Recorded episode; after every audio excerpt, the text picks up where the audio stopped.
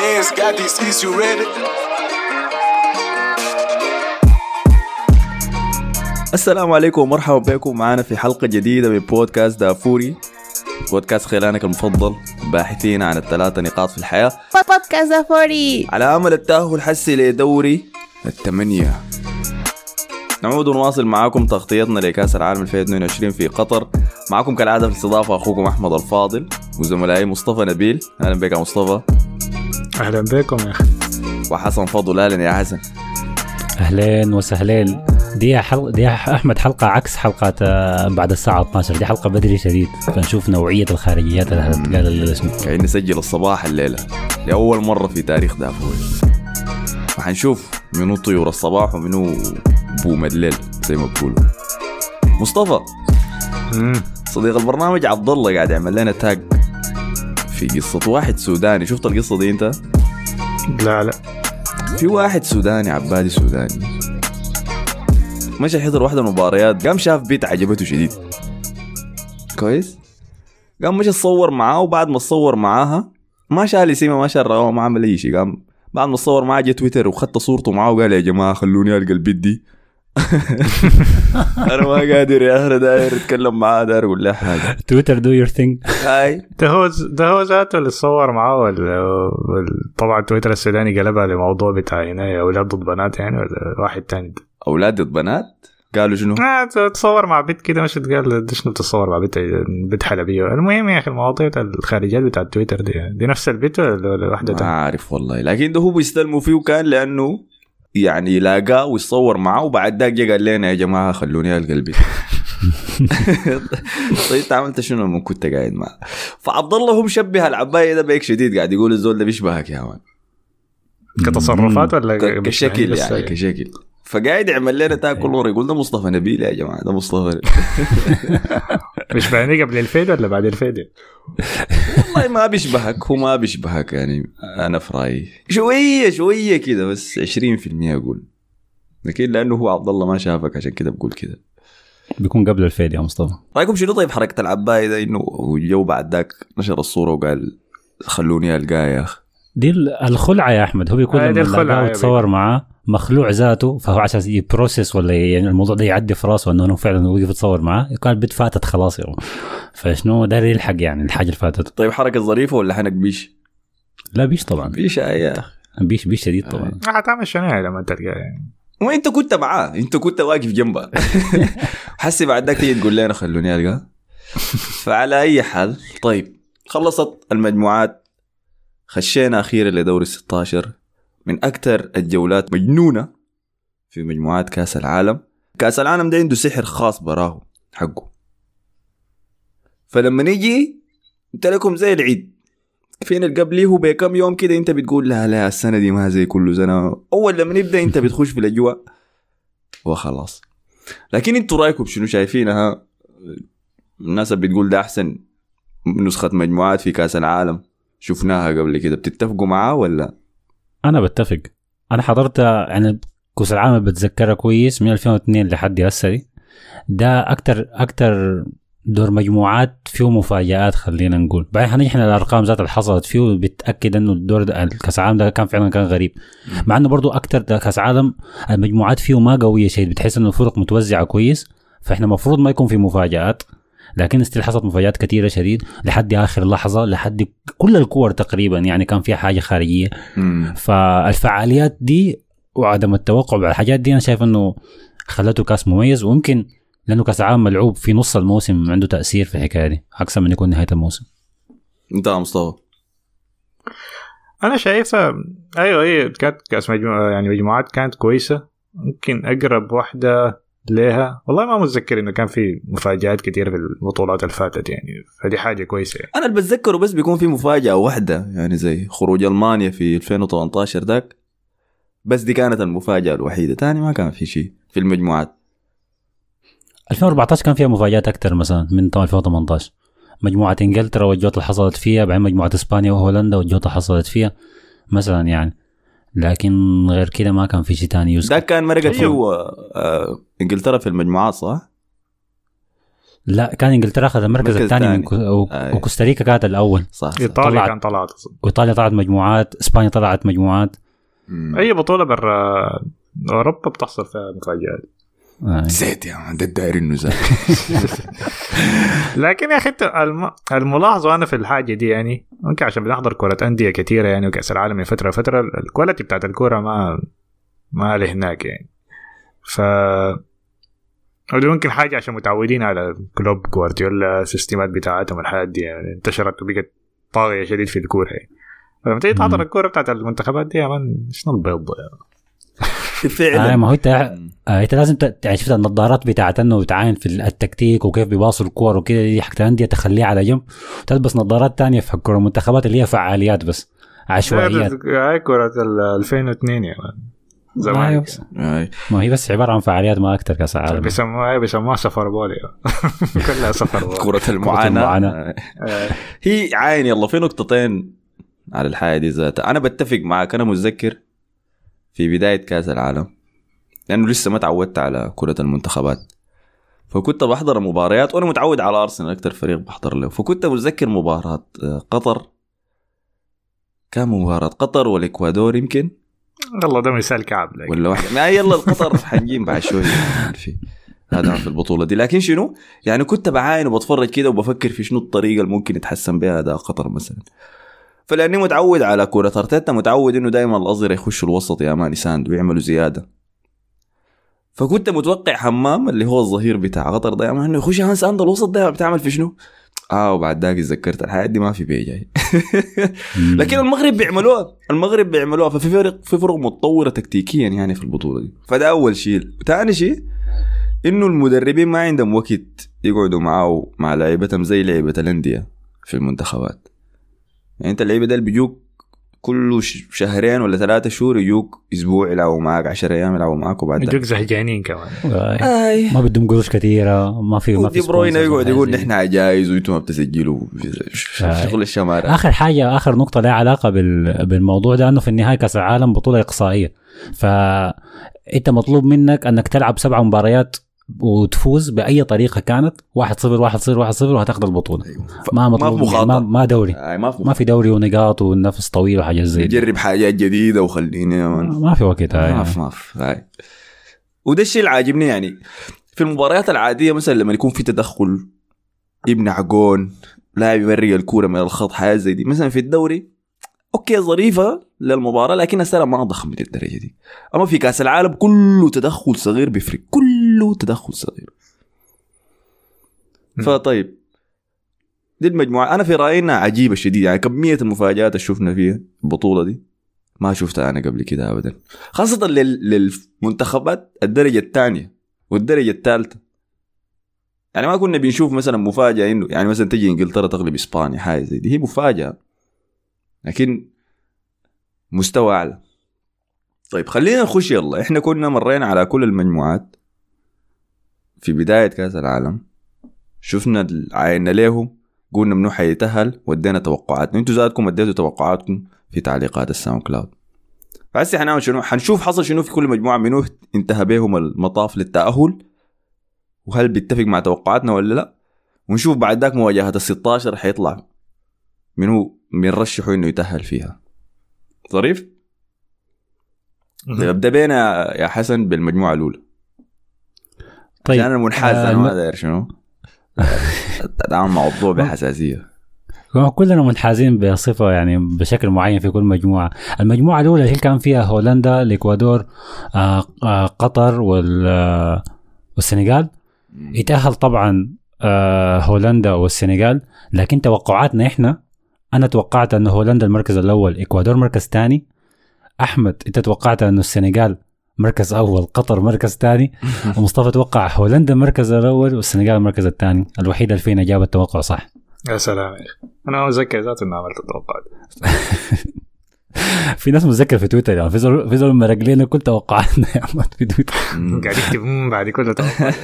محمد صلاح يا برضه صديق البرنامج shout out ما عارف إحنا بنتوقع في 10 ثواني ذاته ولا دارسين الموضوع كويس. هم راجع الفار. طيب عين. الإكوادور فريق ممتاز ولا شنو؟ هاي؟ والله يا أخي فريق ما بط ما بطل؟ ما بطل لأن أنا لأن أنا ما شايف انه هولندا كويسة. طبعا قطر ممكن اسوء فريق في البطولة كلها. أها. فدي حاجات كده ممكن غشت يعني. زي فريقين تانيين يعني. زي لما نيجي مجموعة إسبانيا برضو كان في غشات كثيره يعني. ف فما شايف يعني ما شايف ده حاجة تحكم عليها يعني في الآخر. ما شايفين لكن قدموا بطولة كويسة يعني. هاي؟ تعادلوا ضد هولندا واحد واحد. طبعا غلبوا قطر في مباراة الافتتاحية مباراة مليانة بالضغوطات له. ودفنوا السنغال بعيد شديد يعني لولا الجون اتدخلوا كولوبالي كان في نهاية المباراة. مم. أنا شفتهم فريق ممتاز عديل كده فريق يعني بعيد. آه يا لا إكوادور بالنسبة لي كانت فريق كويس. السنغال بس الهدف الأخير ده هو اللي حسم كل شيء لكن يعني انت بس كانوا هم على بعد. هدف من من التأهل. ف وفي وتعبوا هولندا شديد وأثبتوا قدام قطر انه هم ما فريق هين. آه أنا كنت في واحد من أيام أيوه قبل قبل الكورة دي ذاتها بيوم كنت في أوبر وكان السواق إكوادوري. فكان بيقول لي إنه منتخبهم ده يعني هم بيجهزوا فيه برضه من فترة وإنر فالنسيا ده معتمدين عليه وفي شغل كده يعني في, في عندهم يعني. فهم كانوا متحمسين شديد إنهم يوصلوا دور ال 16 حتى قال لي أنا أنا أنا هراهن انه الاكوادور تصل دور 16 قلت له الله يوفقك بس بيكون خسران قروش كثير الزول طيب طيب طيب قطر الحصل شنو يا جماعة يا أخي؟ والله يا أخي مستوى كعب شديد يعني. مم. بطارين لأنه ما ممكن أنت تكون بطل آسيا قبل كم سنة. ده نفس ال... نفس الأفراد يعني. حتى لو كبروا في السن يعني ما ما المفروض تكون بالسوء ده يعني. في واحد قال إنه يتاهلوا يعني من المجموعة لكن يعني اداء أحسن من ده بس يعني. لكن كويس إنه طلع بجول يعني أقل حاجة ما بيقوا اسوء فريق في تاريخه وما دخلوا ولا جول تبقى حاجة شيء هم بالتأكيد اسوء مستضيف في التاريخ كانوا. لكن كعبين شديد يا أخي. ما ما في زول عارف الجواب شنو. طبعا الأيام اللي بعد نهاية كأس العالم. بعد النهاية عديل كده حتورينا حيحصل شنو يعني اللي قدام. لكن الموضوع ما ما شكله مبشر يعني لحد هسه. المشكلة إنه الناس دي نسيت أساسيات الكورة أصلا. ما بيلعبوا ثلاثة باصات ورا بعض. ثلاثة باصات ورا بعض ما فيها مان الباص الثالث ده حيكون خلاص برا الملعب. آه حزينة والله. حزينة شديد. الحاجة المؤسفة أكثر في قطر إنه كل المنتخبات العربية الثانية على الأقل طلعت بفوز. آه وبرضه المنتخبات الآسيوية الباقية كلها عملت كويس ما عدا قطر يعني. فدي دي, دي الحاجة اللي بتخلي كمان اداؤهم اكعب إنه مقارنة بالمنتخبات المفروض في صفهم هم اسوء واحد فيهم كمان يعني. فدي دي الحاجة المخيبة أكثر يعني. أي. فحنتظاهر إنه ده ما حصل بس حنعاين بعيد يا مان كويس. ما, ما حن... حنركز فيه شديد وده اللي بعمله مع كل المنتخبات العربية. طيب فدي كانت المجموعة ألف. فحسي هولندا حتواجه منو في دوري ال 16 خلينا أكشف لكم سريع كده. حت... هي المباريات الليلة أمريكا؟ صح؟ أمريكا. هاي الليلة. اي يدوم راحه يوم ولا حاجة؟ شنو ما ادونا إحنا راحه يوم إحنا زلنا تعبنا. يا ده شو ده؟ فحتواجه أمريكا. نتكلم عنها حسي ولا بعد ما نغطي أمريكا؟ لأنها في المجموعة الجاية طوالي خلينا نعمل مجموعتين مجموعتين يعني بعد ذاك نتكلم عنها. أوكي.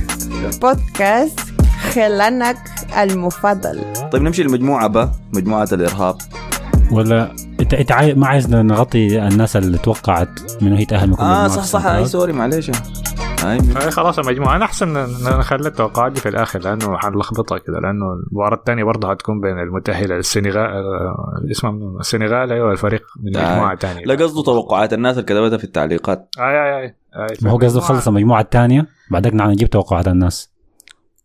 لا لا أنا قصدي للتوقعات بتاعت مباراة هولندا وأمريكا يعني. دي خليها في الآخر. اي يعني اي هنجوط لا الموضوع. طيب حسي الناس في التعليقات منو في زول صبط؟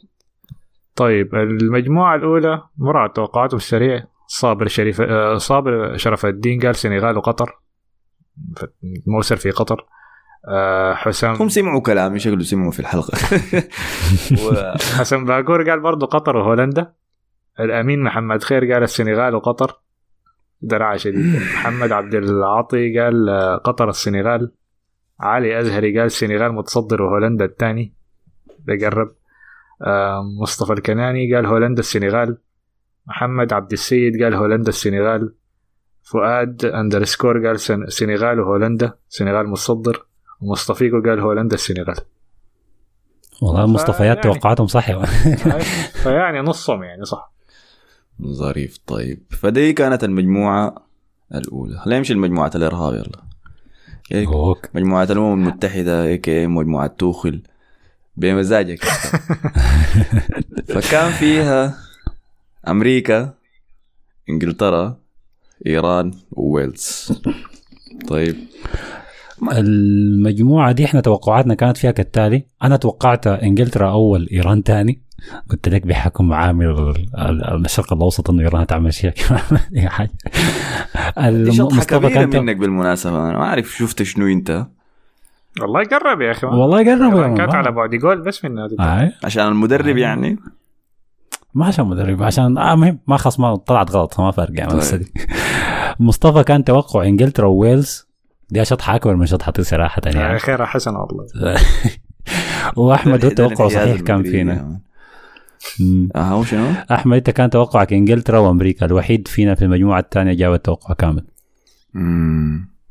أنا اللي قلت إنه السبب الوحيد اللي خدت به أمريكا المركز الثاني إنه تشكيلتهم شابة. فما حيرهقوا.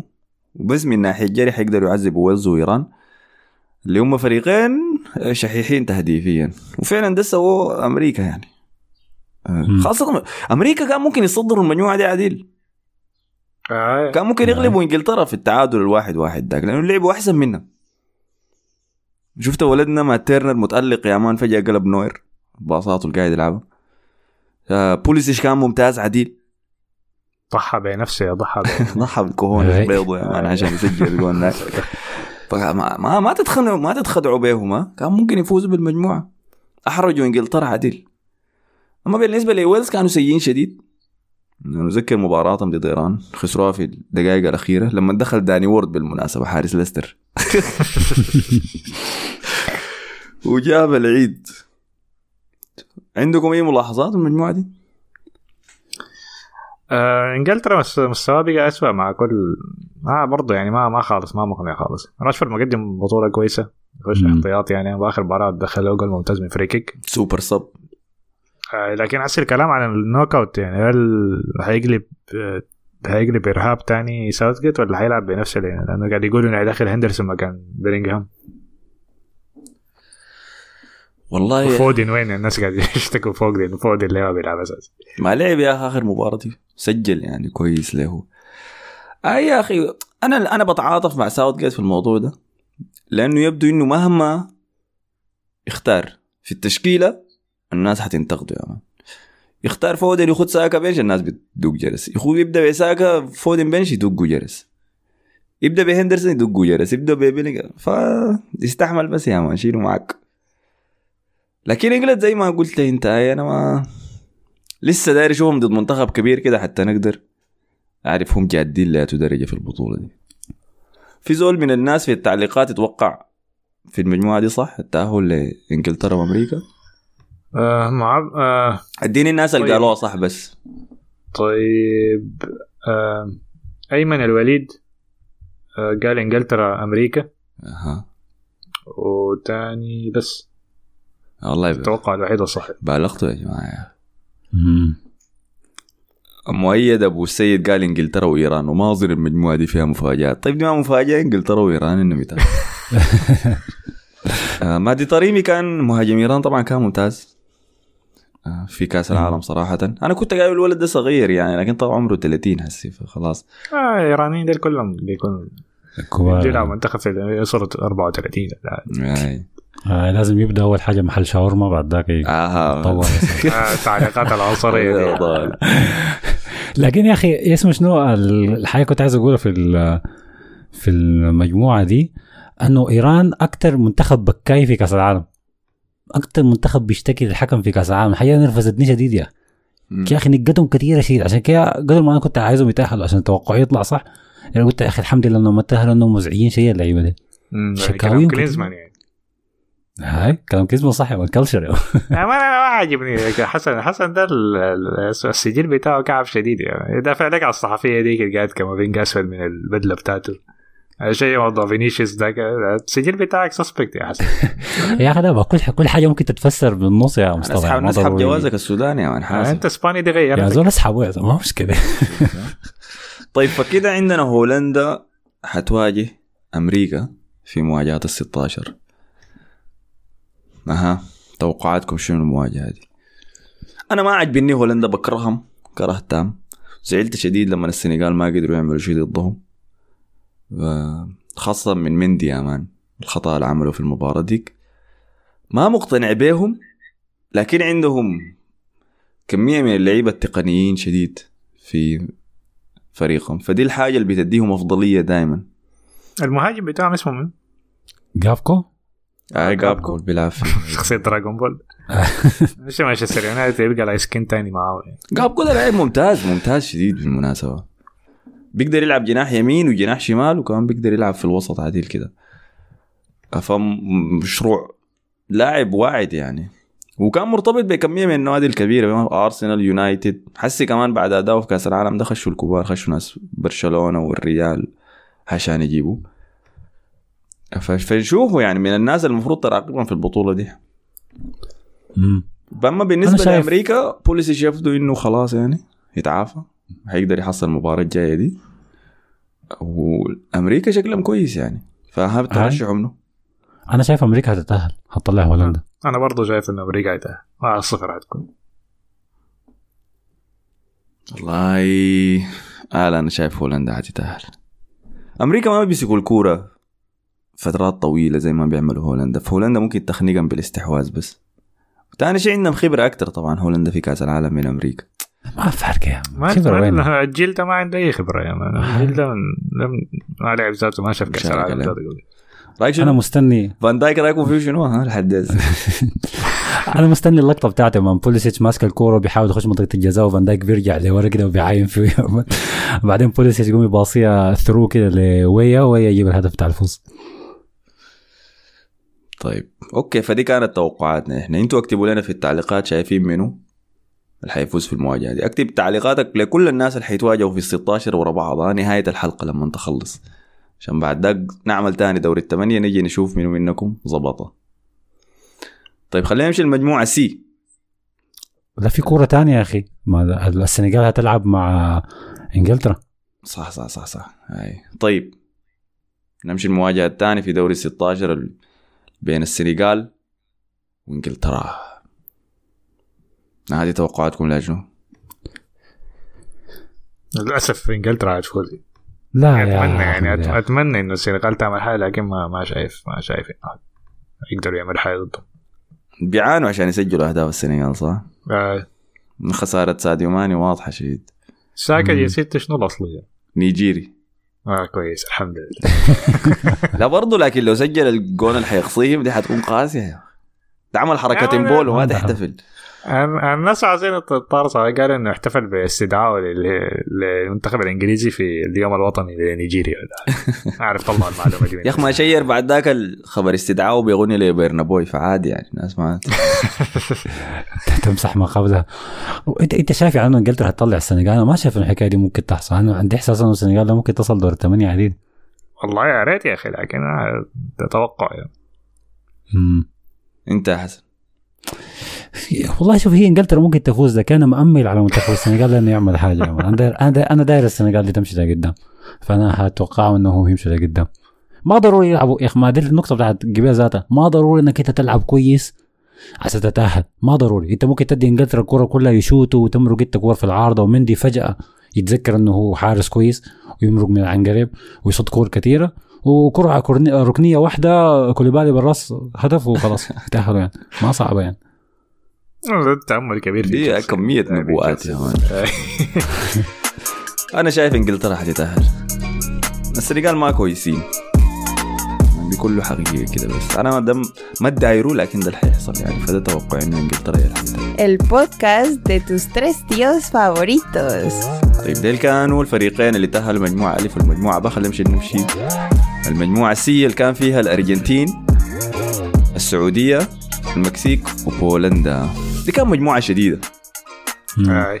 وإن كانت خارجية ضخمة يعني عندنا أرجنتين فريقين لاتينيين فريق أوروبي في بولندا وفريق السعودية الجو فاجأنا في أول مباراة كان في المجموعة دي لما غلب ما عمل أي شيء قصدك. تاني. الشانة ما فاز أنت عارف أنت عارف أداء السعودية في المجموعة دي زي ال- الولد اللي بيطلع يبهر البيت في الديت الأول بعدك ثاني ما يعمل أي عم. خلاص. كل كل الصوص يطلع بس في يا يطلع عم. بجيجا يطلع. آي. إيه أنا شفت الناس كمية فاجأت ورفعت آمالها يعني بعد اداء- السعودية ضد الأرجنتين ذاك لكن أنا أنا كنت متوقع إنه ده يحصل لأنه أنا عينت الأرقام بعد مباراة الأرجنتين ديك ولقيت انه المباراة كلها شهدوا ثلاثة تسديدات اثنين بس على الهدف والاثنين منهم جد الأهداف. فهم الفريق ال... ال... بيصنع فرص كثيرة وبيشوت كثير لكن الناس اتعشمت بعد ما قالوا غلبت الأرجنتين تقدر تغلب أي فريق ثاني. أي لأنه هم كانوا فريق متماسك يعني قدام الأرجنتين تماسكوا كويس وقدام بولندا برضو كانوا كويسين ما كانوا بطالين يعني. فكان التوقع أو حتى خلينا نقول عشم إنه ضد أضعف فريق في المجموعة اللي هو المكسيك انه السعودية تهاجم. فجات قدام المكسيك ما هاجمت يعني أو هجمت بشكل عشوائي. لكن دي ممكن ترجع تاني للنقطة بتاعت هل المنتخبات العربية والفكرة بتاعت والله أنا أديت كويس مباراة واحدة خلاص اديني العافية أنا كده ما قصرت. خلاص كده ذكرى للعالم إنه أنا هزمت الارجنتين ما في داعي تاني. يعني نفسيا كده يعني حتى ال- المدح الكثير والحاجات دي كلها جت بعد الكوره الأولى كانه البطولة دي انتهت. أيوه هو إنجاز لكن أنت عندك إمكانية تعمل أحسن من كده بكثير يعني. ف أيوة، ده, عندنا- خلينا نقول. ما عندهم وال documentary اللي طلعوها بتاعت المدرب قال لهم شنو؟ الكلام الكثير. ما كان في داعي للحاجه دي. هم حاولوا يطلعوا أكبر marketing بعد الفوز ذاك لأنه عارفين انه ثاني ما هيكون في فوز ثاني ده اللي حصل يعني. أنتوا تكلمتوا كان في الحلقة اللي فاتت عن مباراتهم ضد بولندا صح؟ أي. الشهري ضيع البنالتي. ضيع البنالتي ذاك. فالناس يا man بطل حرق بالتلفون في غرفة تبديل الملابس شيلوا منه سماعة البلوتوث آه بعد ذاك مباراة ضد المكسيك المكسيك مردغتهم مردغة ثقيلة يا أخي كان ولا بل قوة ذاك. إلا كان بالله بل يا معك. سلام. هاي. يعني النتيجة النهائية مخادعة انه المباراة انتهت 2-1 لكن كان بل ثقيل جون شافيز ال free kick لا حول ولا قوة إلا بالله يا سلام يا أخي سمح يا أخي لي قلبي فأنا كنت أنا كنت بحضر المباراتين في نفس الوقت. كنت في ال fan zone كده. في البداية كنت راح أحضر مباراة الأرجنتين عشان شنو؟ الأرجنتين الأرجنتين فريق هش فانا قاعد أتابعه فهمتني؟ داير أشوف العلامات. حاصل شنو؟ في الجهة الثانية كان شغال مباراة ال ال المكسيك والسعود السعودية. فأول لما مس كان ماكاليستر حنتكلم بعد شوية سجل الجون الأول في مباراة الأرجنتين بعد ذاك جاء الجون الثاني. كسرت حنك عرفت انه خلاص الارجنتين ظبطوا امورهم فمشيت احضر مباراة المكسيك. لقيت البل ده شغال. آه وكانوا محتاجين جون ثالث عشان يتأهلوا صح؟ ياخذوا المركز الثاني. أي. والسعودية بس وجابوه لكن طلع تسلل. أي أي. السعودية قاعدة تبلع. لحد جابت الجون بعد ما خلاص المكسيك تعبوا ال 1 2 ذاك قام سالم الدوسري مشى جاب ال- الجون. يعني كذا يون شنو يخلي الهزيمة دي ما محرجه شديد. لكن كانت بل الجون ده بتاع ما تسحبوا مني ال Rolls Royce رديتني ده حقتك والخبر ده حقيقي إنه كلهم حيدوهم Rolls Royce لما يجوا راجعين؟ غالبا أي احتمال. ممكن تكون روز رويس اقساط وتنتهي بالتملك ما اعرف يعني. طيب مواجهات لكن- الأرجنتين وبولندا ها؟ آه. ولا عندك شيء تضيفه لكرة السعودية؟ أنا ما أنا كنت عايز أسألك أنت أنت لأنك حضرت من الملعب الأرجنتين والمكسيك. فكان شنو إحساسك بالحضور الفريق ده لمنتخب الأرجنتين ده؟ ما كويس يا أخي ما كويسين ابدا. مش ما كويسين كلهم. في اعتماد مبالغ على دي ماريا وميسي.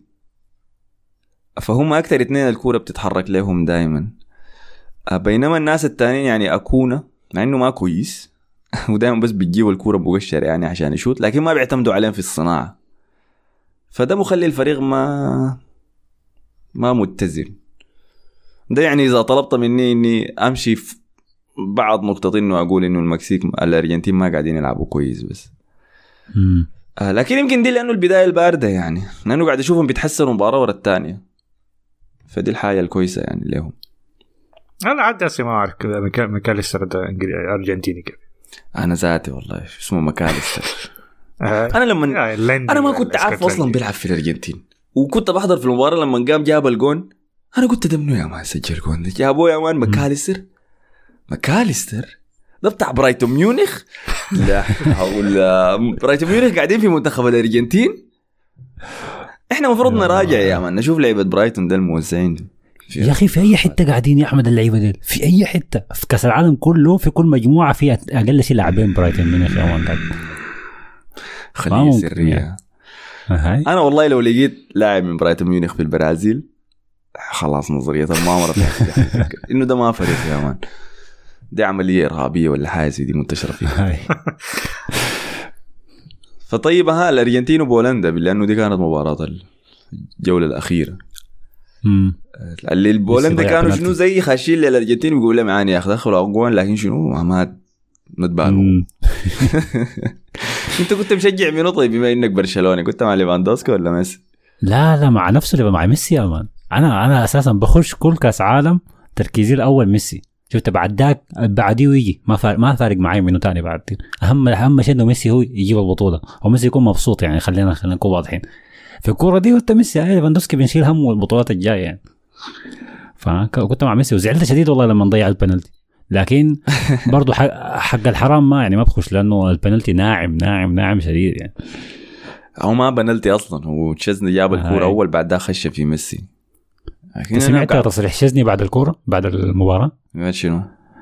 قال قال أنا هقول كلام وممكن الكلام ده يتسبب في إيقافي لكن أنا ما فارقة معي. قال لو ده ما كان ميسي البنالتي ده ما كان يتحسب. وقالها بضحكه كده يعني. كلامه صح؟ كلامه صح يعني كلامه صح. عمك الكاشف تاك برضه قاعدين يدوا بلنتيال من ما في يحسبوا له أهداف وشعره هبش ما عارف شنو. هسه ما, ما حسبوا له. لكن مراقب أنا الوضع وضيع البلنتي ده عشان يكون شنو؟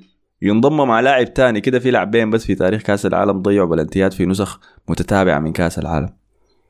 الأول هو ليونيل ميسي في 2018 كأس العالم ذاك ضيع بنالتي ضد آيسلند. برضه كان في المجموعات. انتهت المباراة. تعادل عشان ما تنسوا بعد ذاك دي برضه هذا في مباراة بولندا الكويس إنه ما قاعد يتعاقب بالبلنتيات اللي قاعد يضيعها دي اللاعب. الثاني هو اساموا اللي هو لاعب غانا ذاته كان ضيع بنالتي في كأس العالم 2006 سيء الذكر. يا أخي 2010 هاي.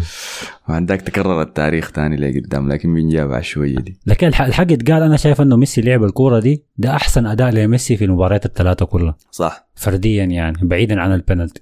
كان كويس شديد. لكن ما ما ما ما, بس ما قاعدين على متعمق. الهبشة. يا مان. الناس قاعدين على الهبشه يوم ذاك حسن كتب تويتر يا مان عمل. الناس كلها افتكروا أنا أنا ولا أحمد يا man يسبوا لنا أي حسن بيجيوا النبوات بتاعته دي بيقول الليلة المكسيك. والسعودية حيتأهلوا يا man أرجنتين. بس تيجي تسب لنا نحن. المشكلة بيكتبها بدري وبيتخارج بعد ذاك من تويتر. والناس تيجي تسب آه. لنا أنا وأنت. قافل ال notification ما عندي شغل. يلا man. والله أحمد زيت يا man. هم لو كده يسبوا لنا يا man البطولة ما طويلة يا man آه. أنا مكانكم يا man اقعد أقوم الليل يعني ادعو لميسي ده يفوز بالبطولة. أنا لو طلع أنا ما أخليكم. هم مع الأسف ح- نهايته يطلع يعني هذا مش الكويس إنه طريقه سهل لأن يعني أنا ما أقدر أسمع ازار اجويرو قاعد هيجوايين بيضيع فرص ده كله خلاص زيت يا مان. من حس طلعوا له ما عندكم الحاجات دي يعني. لكن بعدين تجونا تقول لنا الله يا أخي إنزو ما لعب كويس وتراش وبتاع بعد ما قعدتوا ترفعوا السما وسعره بقى 140 مليون يا مان ما تحنك ده ما بيفهم ما بيخارج. مصطفى غقانس ليكم أنتوا يا جماعة لكن في ناس تانية ما قاعد تأدي كويس في منتخب الأرجنتين ده لوتارو مارتينيز ده حاصله شنو؟ أنا زول ده ابدا ما اقتنعت به كمهاجم صريح كده راس حربة تسعة وحيد ما بينفع الفارس كويس أحسن منه اي نقول بدل المباراة الأخيرة دي ضد بولندا ما كان لوتارو. أنا شايف إنه كان المفروض يبدأ بلوتارو. أنا عندي إحساس إنه لوتارو ده من اللعيبه المحتاج يلعب ال 90 دقيقه أساس يطلع لك بالجون اللي أنت عايزه. ما ينفع إنك يا تدخله في الشوط الثاني ولا تبدله بعد الشوط الأول ما ينتهي. لازم يعني تأمن به مباراة كاملة. لعب مباراتين. المباراتين الأولى والثانية لعب 90 دقيقة. عملش ما عمل أي حاجة. خليه جول تسلل يعني. آه، دخل تسلل. لكن الفارس كويس الفارس كويس. لكن الكويس إنه يعني ال- ما ميسي دائما قاعد يفوز. مباراة المكسيك okay هو الفتح بالجون الأول ذاك من برا الصندوق ده الكويس. بعد ذاك باقي اللعيبة دخلوا ساهم فطيب أم طيب يلا بالنسبة لبولندا. إيه بو- بولندا دي السعودية دي كان مباراة حارة صراحة يا أخي لأنه السعوديين دقوهم مردغوا يومهم يا man البولنديين آه. أخي بل تقيل.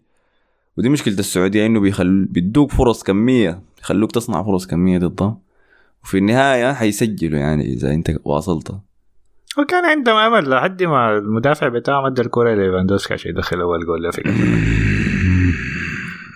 ها وصل أخيرا يا برشلوني. حسن. فرحان؟ برشلوني مدافع دائما غالبا.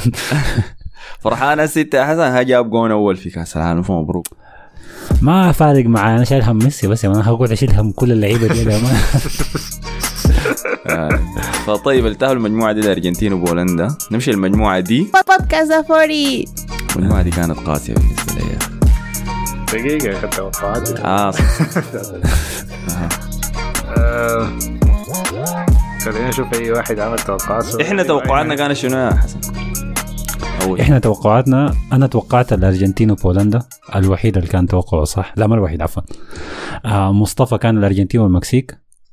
وكان قربوا المكسيك على بعد. كم كرت أصفر أقل يعني. وأحمد أتوقع الأرجنتين وبولندا كده ثاني فريق. في تاريخ كأس العالم يمرق بقاعدة اللعب النظيف. السنة اللي فاتت كانت السنغال صح؟ ما خانتني الذاكرة في 2018 السنة دي المكسيك ودي قاسية يا أخي والله. ايمن الوليد الوحيد أتوقع أرجنتين وبولندا. أوكي. تا- وطيب نحن منو؟ ما بزول ظبطها مننا؟ إلا أنا أنا وأنت يا. أحمد. okay okay. أرجنتين وبولندا. حسن مصطفى قال شنو؟ صار الارجنتين ومكسيك okay ما ما, ما كنت بعيد. طيب إيش المجموعة دي كان فيها فرنسا أستراليا دنمارك وتونس. آه، فرنسا طبعا من أقوى الفرق في البطولة دي وأداءاتها في الثلاث مباريات كانت ممتاز. حتى لما لعبوا بفريقهم الرديف اللي طارص فيه ديشامب عديل كده ما أخذت ما أعرف. كامافينجا ظهير دوزي جناح يا man كامافينجا ظهير صغير شمال ما قصدي شنو. زي يدي هدية كده لتونس يا man. لكن اداءاتهم كويس جدا. مبابي مرعب يا man. آه. مبابي مرعب عديل كده. يعني أنا عاين الزول اللي عنده الأرقام الحصله كده لحد هسه شنو. خلاص حسي جاب أرقام. زيدان في كأس العالم صح؟ عدد الأهداف السجله آه، فرقه جول من ميسي ميسي عشان دخل جول فوق فرقه منه جول. ده مشروع GOAT يا man. ده مشروع. أنا جادي معك ده مشروع إنه يخش محادثة ناس ميسي ورونالدو دي ذاتها. وحيقدر يغلبهم لأنه الناس دي في عمره ما كانت وصلت الأرقام دي. آه لكن مع دوري الأبطال هو حيفرق يعني في الحياة دي. أرقام دوري الأبطال حتفرق. هو ممكن شايف هالاند تكون اقرب هالاند أقرب إنه يكسر أرقام رونالدو من إمبابي يعني في دوري الأبطال مثلا. في دوري الأبطال لكن في كأس العالم امبابي فرصته أحسن انه لعب الكأس الأولى وهو صغير شديد. فالزول ده خد قدامك ممكن يلعب كم كأس عالم تاني قدام. كتير يعني. ممكن عاد يصل لخمسه كؤوس عالم يعني في مسيرته. الا يفوز باثنين ولا ثلاثة ولا حاجة زي كذا ممكن يعملها والله. ممكن يعملها عادي هاي. طيب بشير الكردي كان قال لفتة مهمة جدا يا مصطفى ما بزول بيتكلم عنها إنه مبابي احرز كأس عالم وكان مؤثر فيه وعمره 19 بينما نشوف المطبلين حقين ميسي بيقول إنه في عمر 22 سنة ميسي عنده ثلاثة كرات ذهبية ومبابي صفر وينسوا إنه مبابي عنده كأس العالم. عاين أول لما حسي عاين دي خلاص شكلها آخر سنة لميسي صح؟ ورونالدو. واللحظة دي بنقول كده بنقول لنا كده خمس سنوات. man خلاص يا man داير هو. من السنة الجاية حيبدوا يخشوا ده لمحادثه الكرة الذهبية خلاص. حيكونوا الأول والثاني هو ومبابي هو ومبابي شنو؟ هو وهالاند. آه طيب. فديل كانوا فرنسا. عندكم أي شيء ثاني تضيفه؟ عن مباراتهم ضد تونس الأخيرة دي؟ والله هو بس كده ادوهم هدية بتاعت حق الاستعمار يا man بتاعت السنين الزمن خذوا خذوا فوز كده. خذوا فوز بس وامشوا يعني. هو تونس يا أخي عندها مشكلة. بتضيع قدام الجول بتعمل كل حاجة صعبة بعدين قدام الجول بتاعها يعني. كلفتهم الحياة ضد. استراليا أكثر حاجة وفي المباراة الأخيرة برضه كلفت. يلا هو شوف ال- ال- الحاجة الحاجة أنا شفتها شدت انتباهي أنه تونس فازت على فرنسا لكن في المباراة الأخيرة. السعودية فازت على الأرجنتين في المباراة الأولى. لكن أنا شايف إنه الاثنين مفاجآت يعني بنفس المستوى. اللهم بس ترتيب المباريات هو اللي بخلي مفاجآت تونس أقل لأنه فرنسا كانت متأهلة اني anyway وتونس تقريبا طالعة بأي شكل من الأشكال يعني. لكن دي برضه مفاجأة إنه المفروض ده فرنسا توقعته فريق يجيب التسع نقاط وما يخسر ولا مباراة حتى لو دخل بالصف الثاني يعني. فأنا شايفها برضه مفاجأة لكن ما ثقيله شديد لأنها ما كانت أول كورة لهم في ال- في البطولة. مم، طيب. دي أول مرة استراليا تتأهل صح؟ أي؟ قاعدين يحتفلوا لحد 3 صباحا يا مان. كان عندهم إجازة وطنية. أنا ما أنا أنا ما حغفر لتونس ابدا الخسارة ضد أستراليا. ابدا ابدا ابدا. دي هي أكثر مباراة ألمتني في كأس العالم ده. بل قطر في مجموعتنا ما اشتغلت على الموضوع أصلا يا مان. كويس. لأنه من المباراة الأولى خلاص يعني. عرفت مستواهم كيف وكسرت حنكم لكن تونس بيلعبوا كويس. بيلعبوا كويس. لكن زي ما قال مصطفى ما بسجلوا أهداف بس. مشكلتي معاه في مباراة أستراليا ديك إنهم بدوا نايمين. الشوط الأول كان اسوء ما يكون لتونس. أدوا أستراليا جون وبعد ذاك خلاص بقينا عارفين إنه ده حتكون مباراة طويلة يا man. قاعد تخ- تحاول تفتح ال deep block بتاعت استراليا دي. فزعلت فيها زعل والله لما خسروها 1-0 لأنه بعد ذاك الفوز على فرنسا ده ما عنده اي فايدة. ما عنده اي فايدة. وده كان منو اللي قاعد يطبل في الهناية كان رؤوف خليف ولا كان الشوالي في التعليق؟ يا تو واحد فيهم. الشوالي لأن رؤوف خليف مشى بتاعت استراليا فأظن الشوالي حيكون قاعد يطبل لهم يا man. هو تونسي صح؟ آه، آه، تونس. تونس الاثنين اي فالف مبروك والفوز للتاريخ و و وبتاع وخطبة لكن الفائده شنو؟ لأنه أنت بفوزك ده برضه ما بتتأهل لو كان غلبوا أستراليا كان حيتأهلوا لكن على أي حال خلاص يعني نسوي؟ ما قصة منتخب عربي مكررة يعني نقاط. ها؟ قصة منتخب عربي مكرر شفناها كثيرة اللي هو بيفشلوا فشل غريب كده يعني وفجأة ما- بيدوك فوز كده ما تتوقعوا من وين وبس بيطلعوا مجموعة خلاص يعني المفروض المفروض يتخطوا موضوع إنه مجموعات كفاية يعني. والله ما حغفر لهم كويس ولما شفت الناس بتبارك لهم عشان غلبوا فرنسا أنا أقول يعني الفائده شنو يعني؟ شنو؟ هاي فما كلام فاضي ما هم جايين عشان كده جايين عشان بس أداء واحد مشرف وخلاص يعني ما أكتر من كده فأنت خ... خدت لهم توقعات أنت زعلان عشان أنت توقعتهم يتأهلوا هي الحكاية بزعلك ده توقعك كان والله يا أخي ما ما أعرف أقول لك شو يعني خلاص يعني شيلوا معاهم. فطيب الفرق اللي تأهلت كده كانوا الارجنتين وبولندا المجموعه سي فرنسا. و أستراليا. اي تو- دايرين تابشوا على. الدنمارك وأستراليا. أستراليا فازت 1-0 الدنمارك ما قدروا يسجلوا جون.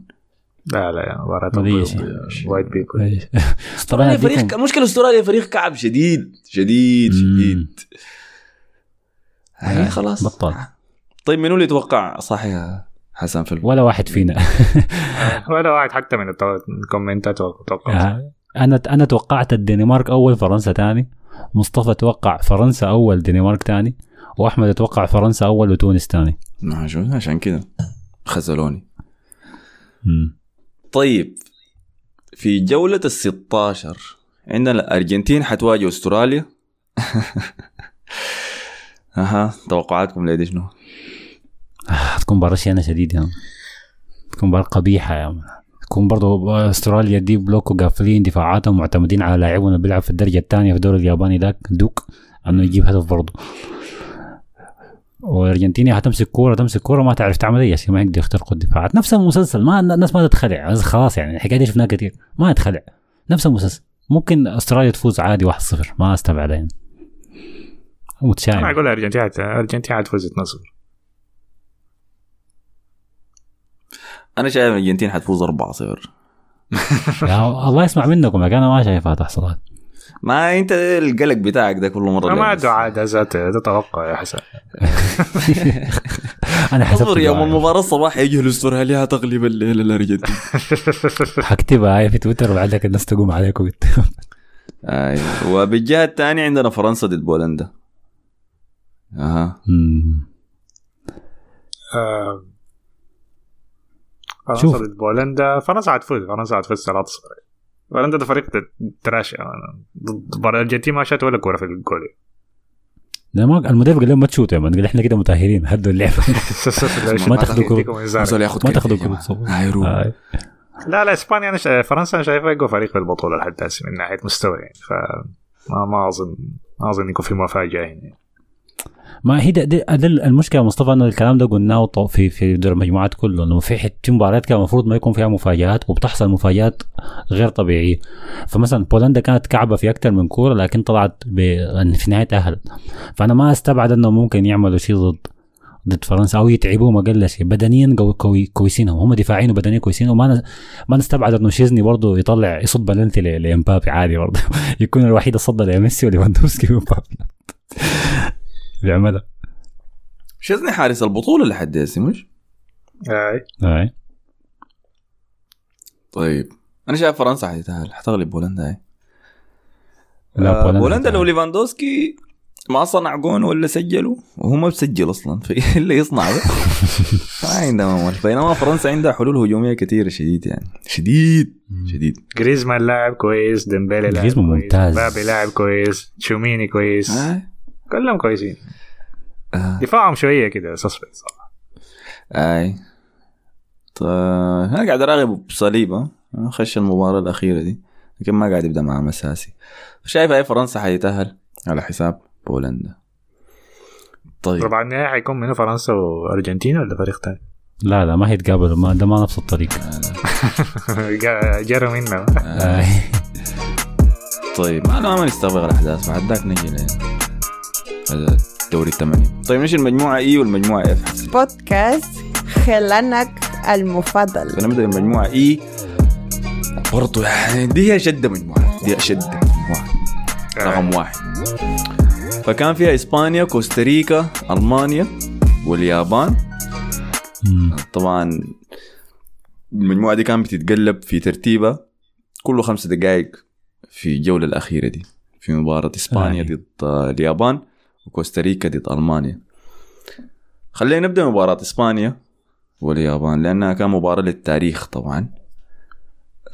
بالرغم من مستويات إسبانيا الكويسة شديد حتى بعد تعادلهم ضد ألمانيا داك الناس كان متوقع فوز ساهل ضد اليابان. إسبانيا قاعد تهيمن على الفرق بتمسك تستحوذ استحوذ ضد كوستاريكا كم 83% ولا حاجة فبيمسكوا. الكرة بيحرموك منها ويقعدوا يباصوا حوالينك بس. بينما اليابان شفناه منه ما الفريق الكويس في الاستحواذ. لكن ده اللي خلاهم خصم ند- كده لإسبانيا لأنه إسبانيا ما بتحب تلعب ضد الفرق اللي بتعرف تدافع غريق وتكونتر. ففي المباراة دي شاهدنا فوز اليابان طبعا بنتيجة 2-1 سبحان الله. في المباراة شاهدت. أول فوز بأقل استحواذ في تاريخ كأس العالم. استحواذ اليابان في المباراة دي كان 17.7 ضد إسبانيا. الانطباع الانطباع كان شنو في إسبانيا يا مان بعد الخسارة دي؟ الناس كانت مخلوعة شديد يعني أنا حضرت الكورة برا آه مع ناس كثيره شديد والناس كانت يعني كان متوقع إنه إسبانيا هتفوز بالراحة بز مش مش لأنه إسبانيا فازت على كوستاريكا سبعة ولا لعبت نوعا ما okay قدام ألمانيا لأنه اليابان ذاتها خسرت من كوستاريكا. فالناس ما توقعت إنه اليابان تعمل حاجة لأنه ادائها قدام كوستاريكا كان تعبان. وقالوا فوزهم على على المانيا في البدايات ده كان بس أول كورة يعني. فما ما نقدر ما المفروض ما نخاف منهم والحكاية اتاكدت أكثر لما اسبانيا الشوط الأول لعبت كويس شديد. جابوا هدف عن طريق موراتا. وكان ممكن يجيبوا هدف تاني أكثر في أكثر من لقطة يعني. فبدوا كويس. ودي حاجة بتاعت إنريكي إنه إنريكي دائما بيبدأ كويس. الشوط الثاني أول خمسة دقائق ولا ما في أول كم اليابان جاب ال ال- ال 17 استحواذ دي كا- كانت في الجونين اللي جابوهم بس يعني ما عملوا شيء ثاني. ده الاستحواذ بتاعهم الجول ف- في ثلاثة دقائق بس. هاي هاي دقيقة 48 دقيقة 51 بب بب بب بتخارج. خلاص. فكان في خلعه شديد في ال- في ال- في الحتة أنا فيها. الناس كلها بتعاين كده مخلوعة. هل معقول إحنا يعني ما قادرين ندافع كويس في خمسة دقائق بس قدام قدام اليابان؟ الناس بس كانت بتعاين في بعض مخلوعة. بعد شوية طبعا في نفس الوقت الناس بتراقب في الكورة الثانية كان فجأة يلاقوا لك هنجيه يعني يلاقوا لك إنه إسبانيا ممكن تطلع من كأس العالم عديل يعني. فالكل كان مخلوع الكل كان مصدوم ودي دي كانت حاجة ما أنا ما, ما توقعت إني أشوفها ولا احسها ذاته هنا. لكن فجأة الناس الناس كلها توقعاتها نزلت واطية يعني وخلاص قالوا منتخبنا تعبان يعني. تغيروا من منتخبنا ممكن يوصل بعيد منتخبنا تعبان شديد في دقائق بس. مباراة كوستاريكا دي كانت غشة يا مان. الفريق ده ما كويس لكن ما ما ما ما بال ما بالمستوى ذاك عنده مشاكل كثيرة هذه ظهرت شوية ضد ألمانيا وحسي ظهرت يعني الفريق كل مباراة يبقى أسوأ من المباراة قبلها اي هي دي أنا بعاين لها وهي مباراة نسخة طبق الاصل من مواجهة الارجنتين والسعودية ديك يعني في دي اسبانيا مم. سجلت اول الأرجنتين سجلت اول ضد السعودية. عداك جونين سريعات في بداية الشوط الثاني الفريقين وخلاص. نفس الشيء للسعودية المباراة ديك شاهدوا ثلاث تسديدات بس اثنين دخلوا منهم أهداف. نفس الشيء اليابان شاهدت ثلاث تسديدات اثنين دخلوا منهم أهداف. إسبانيا أحسن أي. بكثير في الاستحواذ. في استحواذ السعودية في المباراة دي كان 30% لكن في دي 17% لليابان. بس كفاية. لكن دي علامة أي. مقلقة للفرق الكبيرة دي. بالنسبة أكيد. للأرجنتين كانت في أول مباراة في كأس العالم فبتفهمها لكن اسبانيا دي غريبة شديد غريبة جدا. وتاني شيء مشكلة العقم الهجومي دي موجودة. ودي حتكون مشكلة إسبانيا. هي حصلت حاجة في الكورة دي قال عليها مصطفى في ال- في الحلقة اللي فاتت اللي هو ال ال من أسوأ اللعيبة كانوا في المنتخب في الكورة دي كان نيكو ويليامز. نيكو ويليامز في الشوط الأول تأثيره صفر يعني إسبانيا كلها كانت كوي كويسة إلا نيكو ويليامز. ومع إنه هو ال- هو اللاعب الجناح اليمين المفروض أنت بتستحوذ وبتدور الكورة فعايز لك لاعب واحد جناح متمركز على على الخط إنه هو يعني يفتح لك المساحات. كل كورة بتجيه في المساحة الفاضية ما بيعرف يت- يتحكم فيها. ما بيعرف يمسكها كويس ما بيعرف مثلا يباصي كويس لأنه أتلتيك بلباو ما متعود على حاجة زي دي. مرتدات بس الصورة. خذ الصور مع فاتي وبالدي وكتب black excellence صح؟ ولا هو كان ولا من فيهم والله ما شفتها يا man. مين- مين اللي فيهم يا من عمل استغفر والله. والله ما شفتها man، لكن بيعملها ده بيشبه KSI هو ذاته شعره ده. فهي كان كعب شديد وطبعا الشوط الثاني طوالي قام بدلوا انريكي الحاجة الحاجة المقلقة في في إسبانيا إنه دكتهم ما كويسة شديد. يعني انت بت- يعني لما طلع نيكو ويليامز وطلع موراتا دخل منه دخل أسينسيو وفيران توريس. يعني انت ما بتحس ان الأسامي دي ذاتها أقوى ولا أتقل ولا ممكن تعمل شيء؟ بتحسها بيها بتشبه الأسامي اللي كانت موجودة في الملعب. ودي الاساسيين يا man. الاساسيين بتاعهم دخلوا آي فدي اللي كانت الحاجة الما كويسة يعني. لكن استغربت ليه طلع موراتا. يعني انت okay النتيجة اتقلبت عليك. انت محتاج محتاج اللاعب جوا الصندوق ده. لا لا أنا أنا خسران معناها أطلع رأس الحربة وألعب بمهاجم وهمي ده الحنك الغريب ده. وده كما قلت الحلقة اللي فاتت قلت إنريكي لما يعني الفريق اللي قدامه يكون فايز إنريكي ما بيعرف يتصرف بيجوط الدنيا. تغييراته دائما غلط ما ما بيعرف يتعامل مع الكورة لما يكون خسران. لا إذا فايز بتلاقي الأمور ماشية كويسة لكن إذا خسران الدنيا بتتقلب فوق تحت. فده ده, ده الخوف الأكبر دي. والله طلع من الدور الجاي أنا شايف الناس كلها حتقلب عليه الحب الحسي قاعد ده ما عادي يعملوا ban لل Twitch بتاعه. هو رئيس ال- رئيس الاتحاد الإسباني كره القدم آه، اسمه شنو؟ نسيت اسمه والله العظيم. كان قاعد قاعد في قطر كان قاعد في المجلس عندكم يا أحمد قاعد في برنامج المجلس. أفصل عداء قال آه قال قال آه أنريكي قال أنريكي كويس لكن لازم نتكلم معه بعد كأس العالم. حركات الكثيرة دي. آه. طيب مباراة ألمانيا وكوستاريكا. فازوا فيها ألمانيا 4 2 مم. والله يا أخي يعني أنا والله صراحة ما حضرت المباراة ولا عندي اهتمام. وبطني طامة من بداية كأس العالم في ألمانيا دين. بعد الحركة سووها في أول مباراة. وبعد يعني أنا بكره مشجعينهم بكرههم كبلد بكره اللي بيمثلوا بكره كل شيء فيه. فلما طلعوا من كأس العالم ده أنا اتبسطت. يعني أنا فرحت احتفلت. عديل كده. فرحة. العالم كله مبسوط يا مان أي. فشنو ها؟ هو ال- ما تأهلوا ليهم السبب كان شنو؟ فرق ال... الأهداف فريق؟ الأهداف أيوه فريق الأهداف. هو كان مفروض يعني لو إسبانيا كانت تعادلت أو فازت كان ألمانيا برضه هتتأهل فهي كانت لاعبين على الحكاية دي. لكن إسبانيا لو خسرت لازم هم يفوزوا بال- بالسبعة صفر ديك حقت إسبانيا وكوستاريكا فدي اتطبطت عليهم. ففي في كلام بيقول لك إنه لويس إنريكي مفتح يعني هو داير يمرق ألمانيا فعشان كده خسر قدام. خسر قاصد. أيوة، وبعدين كوستاريكا صح صحت فجأة يعني في الكورة دي. فجأة كده قلبت النتيجة وكان هي ذاتها تتأهل يا مان. حاجة غريبة كده. دي كانت لحظة تاريخية. يعني لو كانوا يتاهلوا هم و... واليابان وكوستاريكا كان هتكون حاجة. عمرها ما. حصلت. ما تحصل تاني أصلا. هاي هاي هاي.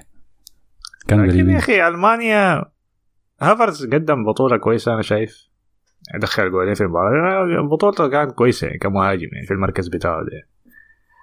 موسيالا لاعب كويس لكن مشكلته بيمسك الكورة كتير يعني لاحظت له في الكورة دي شفت له كم فيديو كده لقطات نفس الحاجة يعني بيستلم الكورة في منطقة الجزاء بيعدي ثلاثة جوا منطقة الجزاء بعدين بيشوت نفس الحركة بيعملها من أكثر من مرة يعني. أنا ما أعرف ده شنو ده شنو الحركة دي يعني.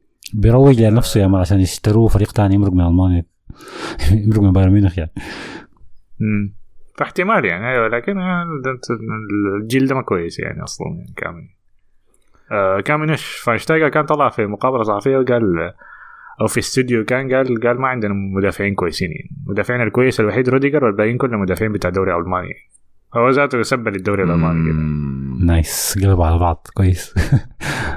لو في كلام كتير قاعد يطلع إنه اللعب في الدوري الألماني قاعد يضر اللعيبة ديل نسبة لأنه ما في تنافسية فيه.